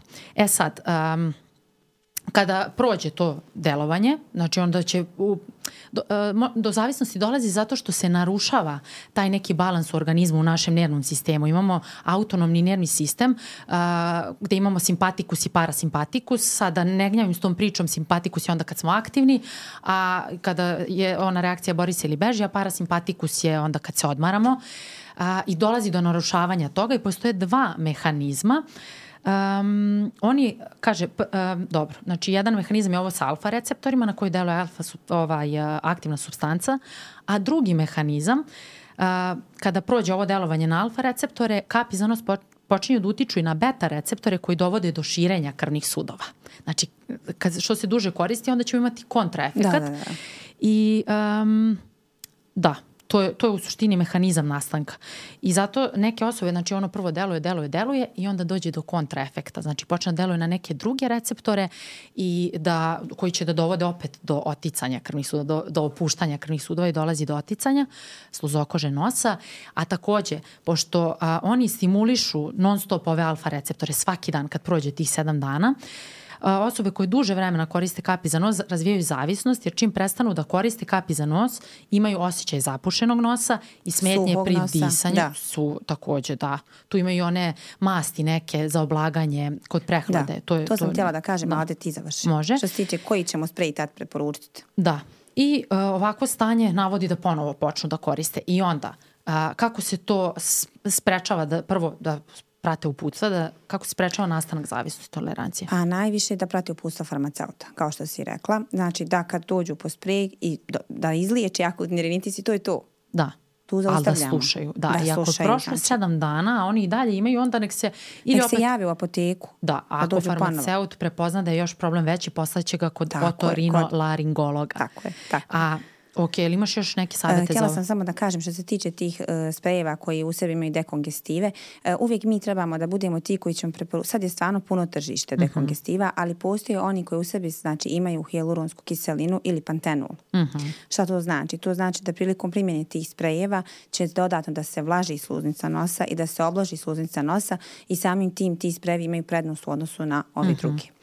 Ja sam čula i za savjeti iz apoteke kada osoba već vidi da ima ovaj problem, poznajem 30 osoba koji imaju ovaj problem, kako da se odviknu to što si ti sad ispričala, takođe postepeno da ukidaju uh, kapi za da, nos. Da, da, da, da se Čak skidaju polako. Polako, da. I da, jer oni kažu meni, da, ali ja kad ne upotrebim, ja ne mogu da spam jer ne mogu da dišem i u nekim ozbiljnim slučajevima dođe do a, onog deformiteta ove nosne pregrade. Da. To su stvarno ozbiljni slučajevi, tako da ako neko ima taj problem, ja savjetujem da ode kod, ili prvo kod farmaceuta, ako farmaceut proceni, poslaće ga dalje. Dalje nekaru. Ali kako se skinuti iz toga? To, prvo smanjiti broj ako je neko pet puta u toku dana to koristio, to je stvarno previše, postepeno smanjivati, a, takođe isto a, samo u jednu nozdravu stavljati, a, onda a, kapi, a, neki proizvodi sa pantenolom i cinkom, obogaćeni pantenolom i cinkom, a u težim slučajevima idu i a, topikalni kortikosteroidi, ali da. za to je stvarno potrebno isto ozbiljno savjetovanje, da, da, da. da. I ukoliko ni oni ne pomognu, a, koriste se i oralni, ali to je sve u savjetovanje sa lekarom i farmaceutom. Um, I, a, post, da, i, znači uz oralne kortikosteroide se smanjuju postepeno kapi i ako to ne pomogne, mi, lekar će da vidi dalje da, šta. Da. Ali baš je ozbiljno. Mislim i za oralne kortikosteroide i to će ljekar znači da Tako je, da, proceni. da, da proceni, da. ali ima taj neki, da kažemo, protokol, ali ljudi, oni misle da to tako treba Najveći problem je, nisu se. oni toliko navukli, ja mislim ko, da oni to često špricaju. Oni to možda ispricaju jer uh, zaista, kortik, zaista dekongestivi djeluju 8 sati. Uh mhm. -huh. Mislim, ja sam se sto puta uvjerila i od strane pacijenata uh -huh. i mhm. kao ja. Nego oni to dugo koriste. Da, ja znam ženu znači, koja koristi to 20 godina. Da. Ona ne može, ona Mi smo imali osjeća... slučaj pacijenta koji je došao u apoteku gdje su mu doslovno popucali svi kapilari da. u očima. Pa da, I, mislim, to je ogroman, ogroman problem. Da. Ali mislim da je sad jasnije, znači slušajte farmaceuta. E, idemo dalje. Kašalj. To je isto, farmaceut ima ogromnu ulogu. Da, Izvoli. da. E, što se tiče ovaj, e, kašlja, pogotovo sad kad krenu ovi e, zimski dani, pacijenti vrlo često dolaze u apoteku po savjet, traže koji sirup da koriste. E, znači, ono što je bitno, prvo što mi farmaceuti pitamo, mislim to svi znaju, jeste kakav je to kašalj, da li je to produktivni ili suhi. Znači, važno je da, e, da uđemo u razgovor s pacijentom da nam približi kakav je to zaista kašalj. Jer oni vrlo često ne znaju objasniti da li je to suhi, da li je to kombinovani ili je ovaj e, produktivni kašalj. ono što je bitno jeste znači da procijenimo da li ćemo mi dati neki biljni sirup ili ćemo dati hemijski. Nekako kroz praksu vidim da su dosta, dosta farmaceuti tu u strahu su. Ja sam nekako više zato da ako već pacijent je bio kod ljekara, produženi kašalj ima, zašto mu ne bi dali nešto jače? Tako je. A bezreceptno je. Nema veze, što? Nema, možemo mi izdati i neki jači lijek i možemo dati e, sirup za suhi kašalj koji ima, znači koji, koji je antitusik, ne mora biti na biljnoj, na biljnoj ovaj, biljni sastav. Ono što bih ja savjetovala pacijentima koji imaju produktivni kašalj jeste da obavezno uz ovaj, e, svoju terapiju koju koriste, znači piju neki sirup, da povećaju unos tečnosti. Mm -hmm. Zašto, Saška? Ajde, ja malo tebe. A nemoj, ajde, ajde ti, nastavi. e, zato što ovaj, e, taj sekret koji se nalazi u plućima, u bronhijama, pijenjem znači toplih napitaka, čajeva će da se razridi i da se lakše izbaci, znači da se iskašlje. Koleginici Saška, pali ste. Ove, a što se tiče suhog kašlja, znači kada dajemo antitusik ili neki lijek e, na biljnoj bazi, vrlo je važno da pacijentu kažemo u napadu, u trenutku napada kašlja da mu damo neku pastilu, pastilu na primjer na bazi žalfir, na taj način to da su poveća. one što bi ljudi rekli bombone, nisu da, bombone, nisu bombone, ali tako yes. mogu da ih... Ali će na taj način da uh, smanji, da poveća sekreciju pljuvačke ustima, da vlaži sluznicu grla i samim tim će da se kašalj smanji. Da, ali ka, ono, e, kada nije ozbiljan kašalj, kada je to neki prvi, drugi dan mogu i biljni proizvodi. Da, da, naravno, i to naravno. Isto... Mislim, uvijek idemo sa biljnim. Da, počinje ali ako, se. Ako neko kašlje kao yes, što se u našem yes. narodu kaže kao magarac. Pio je antibiotik da. i, i pio je i biljni sirup, ali taj kašalj je produžen. To da. sad vidimo posle COVID-a. Mm -hmm. Da je dosta da. prisutan taj produženi kašalj. Pre mesec dana mnogo ljudi oko mene je bilo da. prehlađeno da. i baš je bilo katastrofa. E, postoje i proizvodi koji su kombinovani za taj neki blaži kašlj kad osoba ne može da prepozna da li je da, da, da. suvi ili I produktivni. imamo, jest, jest. Imamo je. koji pokrivaju oba, to je uglavnom da. od bršljana, je li tako? Jest, jest. I samo bih ovde pomenula, e, pošto je sad se, sezonski, sezona sezonskog gripa, e, zdravstveni radnici, da li se u svetu se često vakcinišu protiv sezonskog gripa. Ovde kod nas i dalje je to tabu tema. Nekako... Zdravstveni radnici. Da, pa zato što su, mislim, trebalo bi ljudi da se uh, vakcinišu. Pa kod protiv... nas je to samo još uvijek na starijim pacijentima. Ne znam kako je da, kod vas da, pa, da, zato što su oni pod većim rizikom. Veći rizik, sam htela da. to da pomenem, zato što cijela ova priča oko vakcina, znaš već kako je, ima toliko antivaksera, ljudi više ne veruju ni u šta. Uh, ne znam, opet tu se pominje farmaceutska mafija. Ja sećam još kad sam bila na fakultetu, ne postoji ništa što je više ispitivano od vakcina, da. baš zato što se podigla buka da su one katastrofa, da neki izazivaju bolesti, zato što je neki pametnjaković na, pod navodnicima rekao kako a, vakcine izazivaju autizam ta studija koja je bila jedna je a, potpuno pobijena, znači dokazano je da nije rađeni su ogroman broj studija i onda se ljudi tako hvataju za to i a, podignuta je ta frka i panika baš zbog tih antivaksera i cele te ekipe koja tako tumači radove. Uh, I baš sam htjela da te pitam kakvo je stanje što se tiče sezonskog gripa, vakcinacije. Ovdje kod nas je loše. Pa i kod nas je isto, sad ti kažem. Samo znači ta rizična skupina, stariji da. pacijenti se vakcinišu. Pa i zdravstveni radnici su pod velikim rizikom koji rade sa e, pacijentima. Da, da, svakako. Da. Ali nije... Pogotovo u ovom našem, izvini što te prekidam, u ovom našem zdravstvenom sistemu gde su zdravstveni radnici pod ogromnim stresom. Da. Znaš, ono kao zdravstveni radnik treba da živi zdravo i da pokaže da ti ne možeš ovde kod nas toliko... Su... Dobro, neću više o zdravstvenom sistemu, možda malo kasnije. Ako me pitaš za moj stav što se tiče da. vakcinisanja, treba se vakcinisati. Takođe, takođe, da. Imaćemo celu epizodu posvećenu vakcinama. Svakako. Um, dobro. Uh, ok, idemo na dijareju. Pa dijareja je stanje u kojem vrlo često pacijenti dolaze od po savjetu u apoteku. Uh, šta je važno da mi kao farmaceuti prepoznamo jeste da kažemo ako ta dijarija traje duže od tri dana da se obavezno mora javiti lekaru, ali da u ta tri dana treba da reagujemo. Znači postoji toliki toliko veliki broj preparata koje možemo preporučiti, koje možemo dati, znači prvenstveno probiotik, mi smo ti koji treba da uključimo pacijentu, hidracija organizma, znači da se uključi oralna infuzija i uh, aktivni ugalj, vrlo mm -hmm. često. I imamo sad ove nove preparate na bazi lignina koji u stvari, odnosno enterosorbensa, koji djeluju na taj način da virus vežu na sebe mm -hmm. i izbacuju ga van. Odlično. Znači, mi smo ti koji tu moramo znači, da reagujemo i da damo pomoć pacijentu. Naravno, ako ne bude bolje u roku od tri dana da se javi mm -hmm. ljekaru.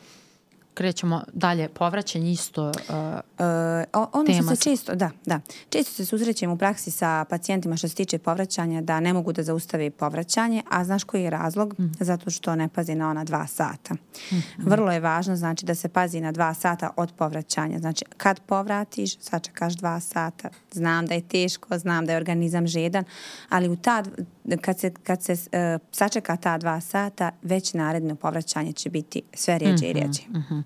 I to i kad se unosi tečnost, rastvori se onaj prašak elektrolita i bukvalno kašičica na ne znam koje da, vreme. Da, Ide da, jedan da, da. gutljaj na...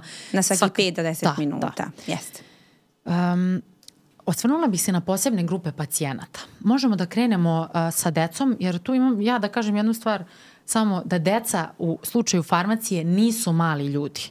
Jer znaš da to ljudi misle kao, e, ovo je meni značilo, sad ću da dam svom detetu, sigurno će njemu pomoći. Mislim, dobro, većina roditelja je odgovorna i stvarno zove i lekari i farmaceute za svaku moguću stvar. Ali deca nisu mali ljudi. Da. U farmaciji nisu. Nisu.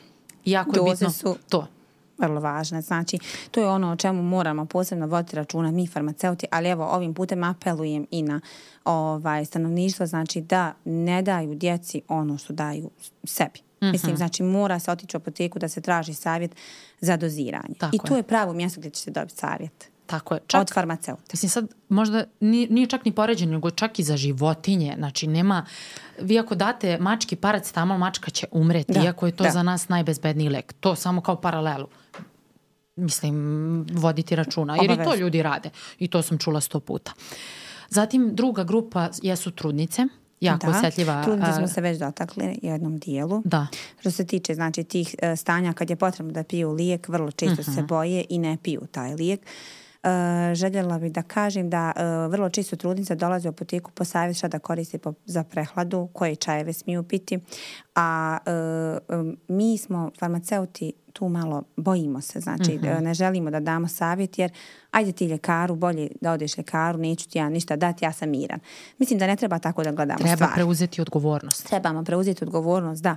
Treba da reagujemo i da pomognemo toj trudnici jer i postoji znači milion drugih, uh, milion uh, čajeva, milion lijekova uh, koje trudnice mogu da koriste, znači bez ikakvih problema. I mi smo ti koji ne smijemo da vratimo trudnicu, mhm. naravno kad joj možemo pomoći. Kad joj ne mhm. možemo pomoći, mi smo ti koji smo dužni da je pošaljemo ljekaru. I ne znam da li imate, mislim znam da imate razne sisteme u apoteci preko kojih brzo možete da proverite informaciju i to je isto jedna posebna nauka. Da. I bilo mi je smiješno, skoro je izašlo na Instagramu jedna priča kao, ja sam došla neke ono na slici napisano. Ja sam došla u apoteku i kao farmaceut je uzeo da googla šta ja kao dojilja smijem da popim. Nije farmaceut googlao, da. nego farmaceut imaju svoje sisteme, e, baze podataka gde čitaju, gde imaju sve te proverene, proverene informacije, jer to nisu više one debele knjige koje ti treba sat vremena da, da pronađeš nešto. Da, puno je lakše sad biti farmaceut. Da nego to nije Google. nije Google. I da, i ona nije googlala, nego je tražila uh, najbolju moguću informaciju zato što nijedna osoba na ovom svetu ne može da zna sve. Onaj koji se tako predstavlja, verovatno je šarlatan da. ili je pun sebe i vrlo brzo će napraviti neku grešku. Tako da, to je, nije Google, nego sistemi koji sistemi farmaceuti, farmaceuti imaju, čak i lekari imaju, zato što to normalna stvar, tehnologija je toliko napredovala, medicina je toliko napredovala. I sad se sve znači preko tehnologije rješava. Tako je. Znam, mislim, traži. Samo što je farmaceut tu da to protumači kako treba i, i lekari. I sa stranice sa, sa načina koji treba. Da. Da li si htjela možda, što se tiče čajeva, da kažeš nešto što je okej okay za trudnice, evo sad pa, čisto da im damo. čisto da navedemo, pošto smo već počeli da pričamo o tome, postoje čajevi, znači, koji trudnice mogu piti. E, tu su dosta obazrive i vrlo često zovu u apoteku, ili smijem ja piti čaj? Naravno da smiješ, postoje čajevi znači, koji mogu, kamilica se može piti, džumbir koji je idealan za jutarnje mučnine, e, kopriva, brusnica, matičnjak. Evo, tu smo nekako Odlično. najsigurni. Pokrili smo dosta indikacija gdje, gdje može da koristi trudnica. Uh mhm. -huh tu su i dojilje odmah i za dojilje imaju uh, neki vodiči baš lepi za... Za, za dojilje ima stvarno ovaj, uh, dosta vodiča i dosta ima sad i stranica i dosta ima i na Instagramu platformi koji, djevojaka koji se bave upravo da. s tim. Znači što se tiče dojenja grupa gdje razgovaraju na koji mm -hmm. način nešto smiju koristiti, na koji način nešto ne smiju. I vrlo važno je da se zna da dojenje i trudnoća nije isto. Mm -hmm. Znači da, da ono što možda ne smije u trudnoći u dojenju smije. Da, da. I tu vrlo veliku ulogu ima farmaceut. Da, i što se tiče tih kolega i koleginica koji um, imaju svoje profile svaka čast, meni je to odlična stvar što smo se probudili uh, kao kontrateža svim onim glupostima koje postoje. Međutim, uh, i tu treba biti kritički nastrojen i uh, razmišljati o tome ko priča, šta da, priča, da, da, da. zašto priča, jer umeju da skrenu sa puta. Jedno zanimljivo, mnogo zanimljivo pitanje, kućna apoteka. Znam da si nam ti za to profesionalac. Šta treba imati u kućnoj apoteci? Jel me pitaš kao farmaceut ili kao pacijenta? Pa može jedno i drugo. Počni kao Ako farmaceut. Ako ću kao farmaceut, onda znači tu imam jednu ovako veliku policu lijekova. Kao farmaceut? Po, da, da, koji su poslagani po atici i klasifikaciji. Ali zamisli kao, zamisli kao farmaceut, ko, ja sam došla u apoteku, ja sam pacijent i pitam te šta da. treba, da ne preterujemo sa... sam se, da, ali, ali dobro, nego da razumite. kažem, mislim, ja sam farmaceut, ja stvarno imam u kući od igle do lokomotivi. Da, zato što imaš previše znanja o tome. da, da. A što se tiče pacijenata, ono što je vrlo važno, mislim što treba da ima jedan uh, pacijent, odnosno ukućanin u svojoj kućnoj apoteci, jeste ovaj toplomir mislim to obavezno. Zatim treba da ima komprese, zavoje, flastere, povidon jod ili neku drugu, ovaj, neko drugo sredstvo za dezinfekciju, paracetamol, brufen. Ukoliko je ta osoba alergičar, treba da ima u svojoj kućnoj apoteci neki antihistaminik. Ukoliko ima problema sa želucom, svakako treba da ima neki antacid pri ruci. Mm -hmm. Eto, to je nešto najosnovnije. Da, Ako i ti sam nešto zaboravila, i pisala na svom profilu. Da, to je bilo za putnu apoteku. Da, da, ali dobro, možemo da napravimo neku takvu objavu, zato što um, nekada ljudi imaju preveliku kućnu apoteku i to nije da, dobro isto. nije dobro zato što stoje lijekovi, ističu lijekovi, onda pitanje gdje ih bacaju. Da ih bacaju, ajde to, to je posebna, problem to je posebna tema. Da. Ali šta će tebi 10 kutija, dobro sad sam pretela, uvek preteram, šta će tebi toliko benzodiazepina kod kuće? Pa vrlo čisto pacijenti kod kuće imaju načitu kutiju antibiotika. Da, i to Zato što nisu rok. ispili antibiotik do kraja i ostalo je i onda sačekaju idući put kad da. se razbole i uzmu te, A ono, nastavi piti da, antibiotik. Da. Znači, važno... Koji u tom slučaju neće biti efikasan jer nema dovoljna, uh, nema dovoljno, dovoljno tableta. broj tableta nema, za da. dana koliko treba da pije. Da. Tako da niste mudri ako imate sve u svojoj kući, nego samo pravite i samo sebi treba, veći je, problem. Samo treba da imate osnovno ovo da. što sam navela i to je to. Da, to ti lekovi koji ne treba da budu kod kuće mogu da naprave mnogo veći problem, dolazi do slučajnog trovanja, deca se često dočepaju da. kao, ali to je to nepisano pravilo, ja ne znam kako ih nađu, ali prvo se hvataju za te stvari. Jeste. Iako kogu god da sakriješ i da skloniš, To je njima Neka, zanimljivo. Da, da, da. Tako da stvarno... Zato treba imati samo onu osnovnu, što da, je zaista potrebno. Da, da. Za ostalo, svakako imamo apoteke, možemo otići da. kupiti. A dobro, kućne apoteke i za kraj imamo Ja sam dodala tu neke stvari zašto isto farmaceut može da posluži. Ok, prehlada, suplementacija, odvikavanje od nikotina, to je zanimljiva tema. Isto u apoteci možete dobiti baš stručnu pomoć da vam olakša taj, da, taj da. problem. Um, Zatim, i nismo pomenule kafu i alkohol, a, samo bih rekla da ukratko, kafa se razdvaja od lekova, primjena se razdvaja minimum sat vremena ili pre ili posle. Sa zato svim što će, da, jest. I suplementima. Jer da, ako da. popijete kafu, ona će samo to da vam poništi, da kažem. Jednostavno kao da rečeno. Popili, kao da. da niste ni popili, ali sad da se ljudi ne zbune. Postoji situacija kada je kofein dobar. Kofein, ali kada po, um, pomaže dejstvo nekog leka, da se ne zbuni sad neko da kaže vidi na leku onom kombinovanim praškovima, na primjer za prehladu, da kaže šta je ona pričala. Zašto se ubacuje kofein u te kombinovane preparate? Zato što ta mala količina kofeina, tačno procenjena kroz naučne studije, potpomaže dejstvo leka i to se zove sinergizam. Da. Eto, čisto to mi je bilo zanimljivo i alkohol u svakoj epizodi kažem Mm, razvojiti primjenu po mogućstvu ne piti kad ne ste na nekoj ozbiljnoj da. terapiji. Da. U nekim slučajima može doći do ozbiljnih neželjenih efekata, ali imamo cijelu epizodu o alkoholu koji će pogledati, ako ih to zanima. Za kraj bih uh, pomenula neke uh, anegdote iz apoteke i nemamo za cilj nikog ovde da uvredimo, ovo je samo šaljivo da. karaktera. Da. da li ti nešto imaš jer sam se ja spremila, meni su kolege pisale. Pa ja sam malo prije ono što sam ti navela. Da, da. A ja bi Ajde samo, ti nama iščitaj. Hoću, samo da vidim. Dobro. Um, uglavnom, najvećih ovih um, provala ima za imena leka. Da. I to uglavnom zbog tih brand imena i onda dođu ljudi i tako traže nešto. Uh, on, imamo najpoznatiji Tyler Hot. Tu da. stalno viču uh, hotline. Vič, govore Taylor Hot, to. Onda ima uh, neki lek, um, zove se, nije lek, to je suplement, ja mislim, Speman Speman i taj lek je, uh, ba to je neki suplement, aha, da, pardon, suplement, to je za jačanje potencije kod muškaraca i kaže da je došao unuk neki i tražio spe, uh, lek Spreman za dedu. znači spremno, imamo spremnog.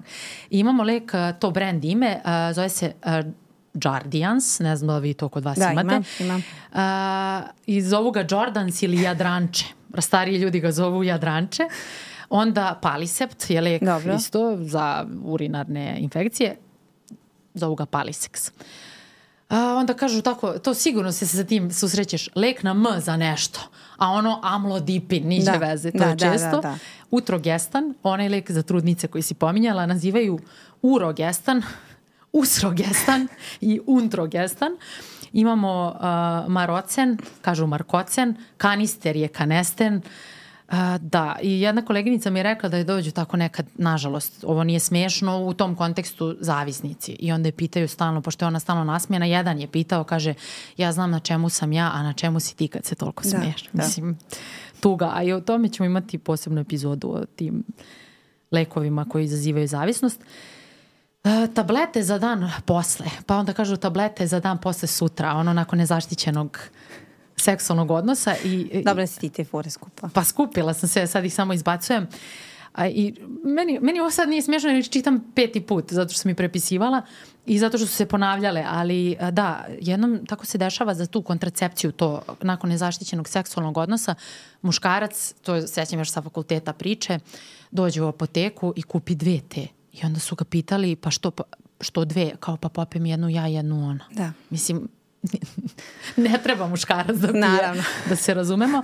I, i sećam se jedne mnogo glupe fore sa, kad sam ja radila u apoteci, to kao promoter i gde god da sam otišla u apoteku, kad dođe neko a, da kupi a, prezervative, odnosno kondome, I onda kaže kao farmaceuti, one glupe fore, štreberske farmaceutske, kažu kako muškarci kupuju a, proizvode za potenciju i um, ove prezervativ, kao u tišini. I to uopšte nije smešno. Ili to je za, za druga, ali ili za nekog tamo levog. Nikad nije, nije nikad za njih. A to nije sramota. Ne. Mislim, koristiti zaštitu, to je super stvar. Mislim, zašto je to sramota? Nego ću da kažem koliko smo mi u problemu, ali to je istina. Toliko je kao da je to postala interna fora, jer je to kao neka tabu tema. Da. Pričat ćemo i o tome, o toj erektilnoj disfunkciji, svemu tome, ali korišćenje prezervativa, nije sramota. Nije sramota. I nije da. sramota tražiti, pitati. Tako je, to je još i velika faca ako koristiš to, zato što treba da zaštitiš da. sebe i partnera. A, takođe mi je jedna koleginica rekla da je ove vaginaletu jedna žena popila da, sa sve omotom, ali sa sve omotom i nastoje ogroman problem. I tako, ima tu još mnogo, ja ću da vidim sad, drugarica mi je jedna mnogo dobra, jer i vaš farmaceut, odnosno ja imam svog, svoje farmaceute. Koji ti šalju fore, Šalju ja? mi fore, onda kad ja imam neke nedoumice, ja se stalno sa njima dogovaram, pričam, jer kažem, osoba koja misli da sve zna je u velikom problemu, zato što uglavnom ima Dosta mnogo toga, toga ko, ko, što, što ne, ne znamo. Da. Um, kaže, traže Perfex, odnosno Fervex. A, dobro, da, Jordian je ovaj Jardians, daćete mi jekoderm sa ukusom kokosa, to je ona... Zato što miriše na kokos. Stvarno miriši. Da. O, pa to je unapređena formulacija. Da, nije prije mirisao, sad miriše. Prije Ima mirisalo na riblju mast i baš je bilo ružno. A, pa dobro, svaka čast. A, kaže da se žale da aparati za pritisak ne rade i pokazuju jednu vrednost, a nisu skinuli, skinuli nalepnicu, to isto da, i za toplomere. Da, da Um, kaže da je ona čak to jednom uradila. Kaže kupila sam toplomer i rekla da ne radi, nije skinula nalepnicu. Da, došla jedna žena i tražila re, lek koji, lek da gradi kuću, tako je opisala, a znaš koji je to lek? Block Max. I onda i to što si ti pričala, daćete mi one roze pilule, to je redovno. Uh, kad, uh, dobro, da. I kad kaže, da, to je, ovo je problem, ovo nije smiješno, dođu po lek i ne znaju koja je doza, pa kažu daj mi najjači. Da. Jer misle da će to biti bolje. Pa se onda ljute kad ti... Da. I uglavnom kad osoba ne zna koja je jačina, daje se uvek najmanja. Najslabija, da. Da, da, da. da. I tako, ima tu dosta toga uh, i uloga farmaceuta je da objasni sve to pacijentu i neki lekovi, na primjer, tu smo sad pominjali muškarce, neki lekovi mogu da dovedu do erektilne disfunkcije tu se onda traži zamena, objašnjava se. Mislim, imamo toliko toga, pričamo, mi ćemo to obrađivati sve temu po temu. Ali hoću da kažem kolika je uloga jednog da. farmaceuta, jako je važna. Velika, velika. Da. I možemo i da zaključimo ovu epizodu, osim ako ti nemaš neko pitanje za mene. Pa nema. Ništa, samo ništa nastavljamo. Da, završila smo sve. Završili smo sve i nastavljamo zajedno da se borimo protiv ovog... Ne, nećemo se borimo protiv sistema, Jer Mi borba... ćemo samo da budemo ono što treba da budemo. Tako je i da ga unapređujemo. Da. Nećemo se boriti protiv jer to Teško ćemo. Teško ćemo mi, da, ali ćemo mi svoj, imati svoj neki put koji je ide isprava, polako, ali isprava. ide ispravno i da. sve što je brzo, kako kaže naš narod, sve što je brzo to je i kuso. Da. Mi ćemo polako i doći će nešto bolje. Ide već na bolje. Ide ja sam prezadovoljna kako mi to na, na ovim platformama radimo i to je sve ozbiljnije i bit će i držimo. Jako je bitno sačuvati kredibilitet, jer to ima puno kolega koji pričaju, neki po mom mišljenju rade to fenomenalno, a neki gube kredibilitet tako što promovišu svakakve gluposti. Tako pa da, da sačuvajmo kredibilitet i pričaju. I misle da. ako im raste broj pratioca, ja sam bolji, a ne. Ne, nije, U da. stvari je bitno da imamo Da, sve, kredibilitet. E, kredibilitet, da. Sećaš se kad si mi ti preporučila da imamo ti ja one neke videe da mi nešto pričamo, da se glupiramo. Nisi mi tako rekla, nego kao, hajde mi da objasnimo ljudima tako što ćeš ti mene da zoveš kao halo, Saška, nećemo to da radimo. To jeste dobro, mislim, to smo se ti ja dogovorile da nećemo da, više. Da. Ok, nekad baciti neku foru, to je sve super, ali ljudi to krenu da igraju, da džuskaju, totalno se izgubi neka stručnost. Yes. Tako da ostati ono što jesmo, mi smo zdravstveni profesionalci, ok, biti svoj, šaliti se, ali zadržati i profesionalnost. Da. To je to. Hvala Saška. Hvala tebi.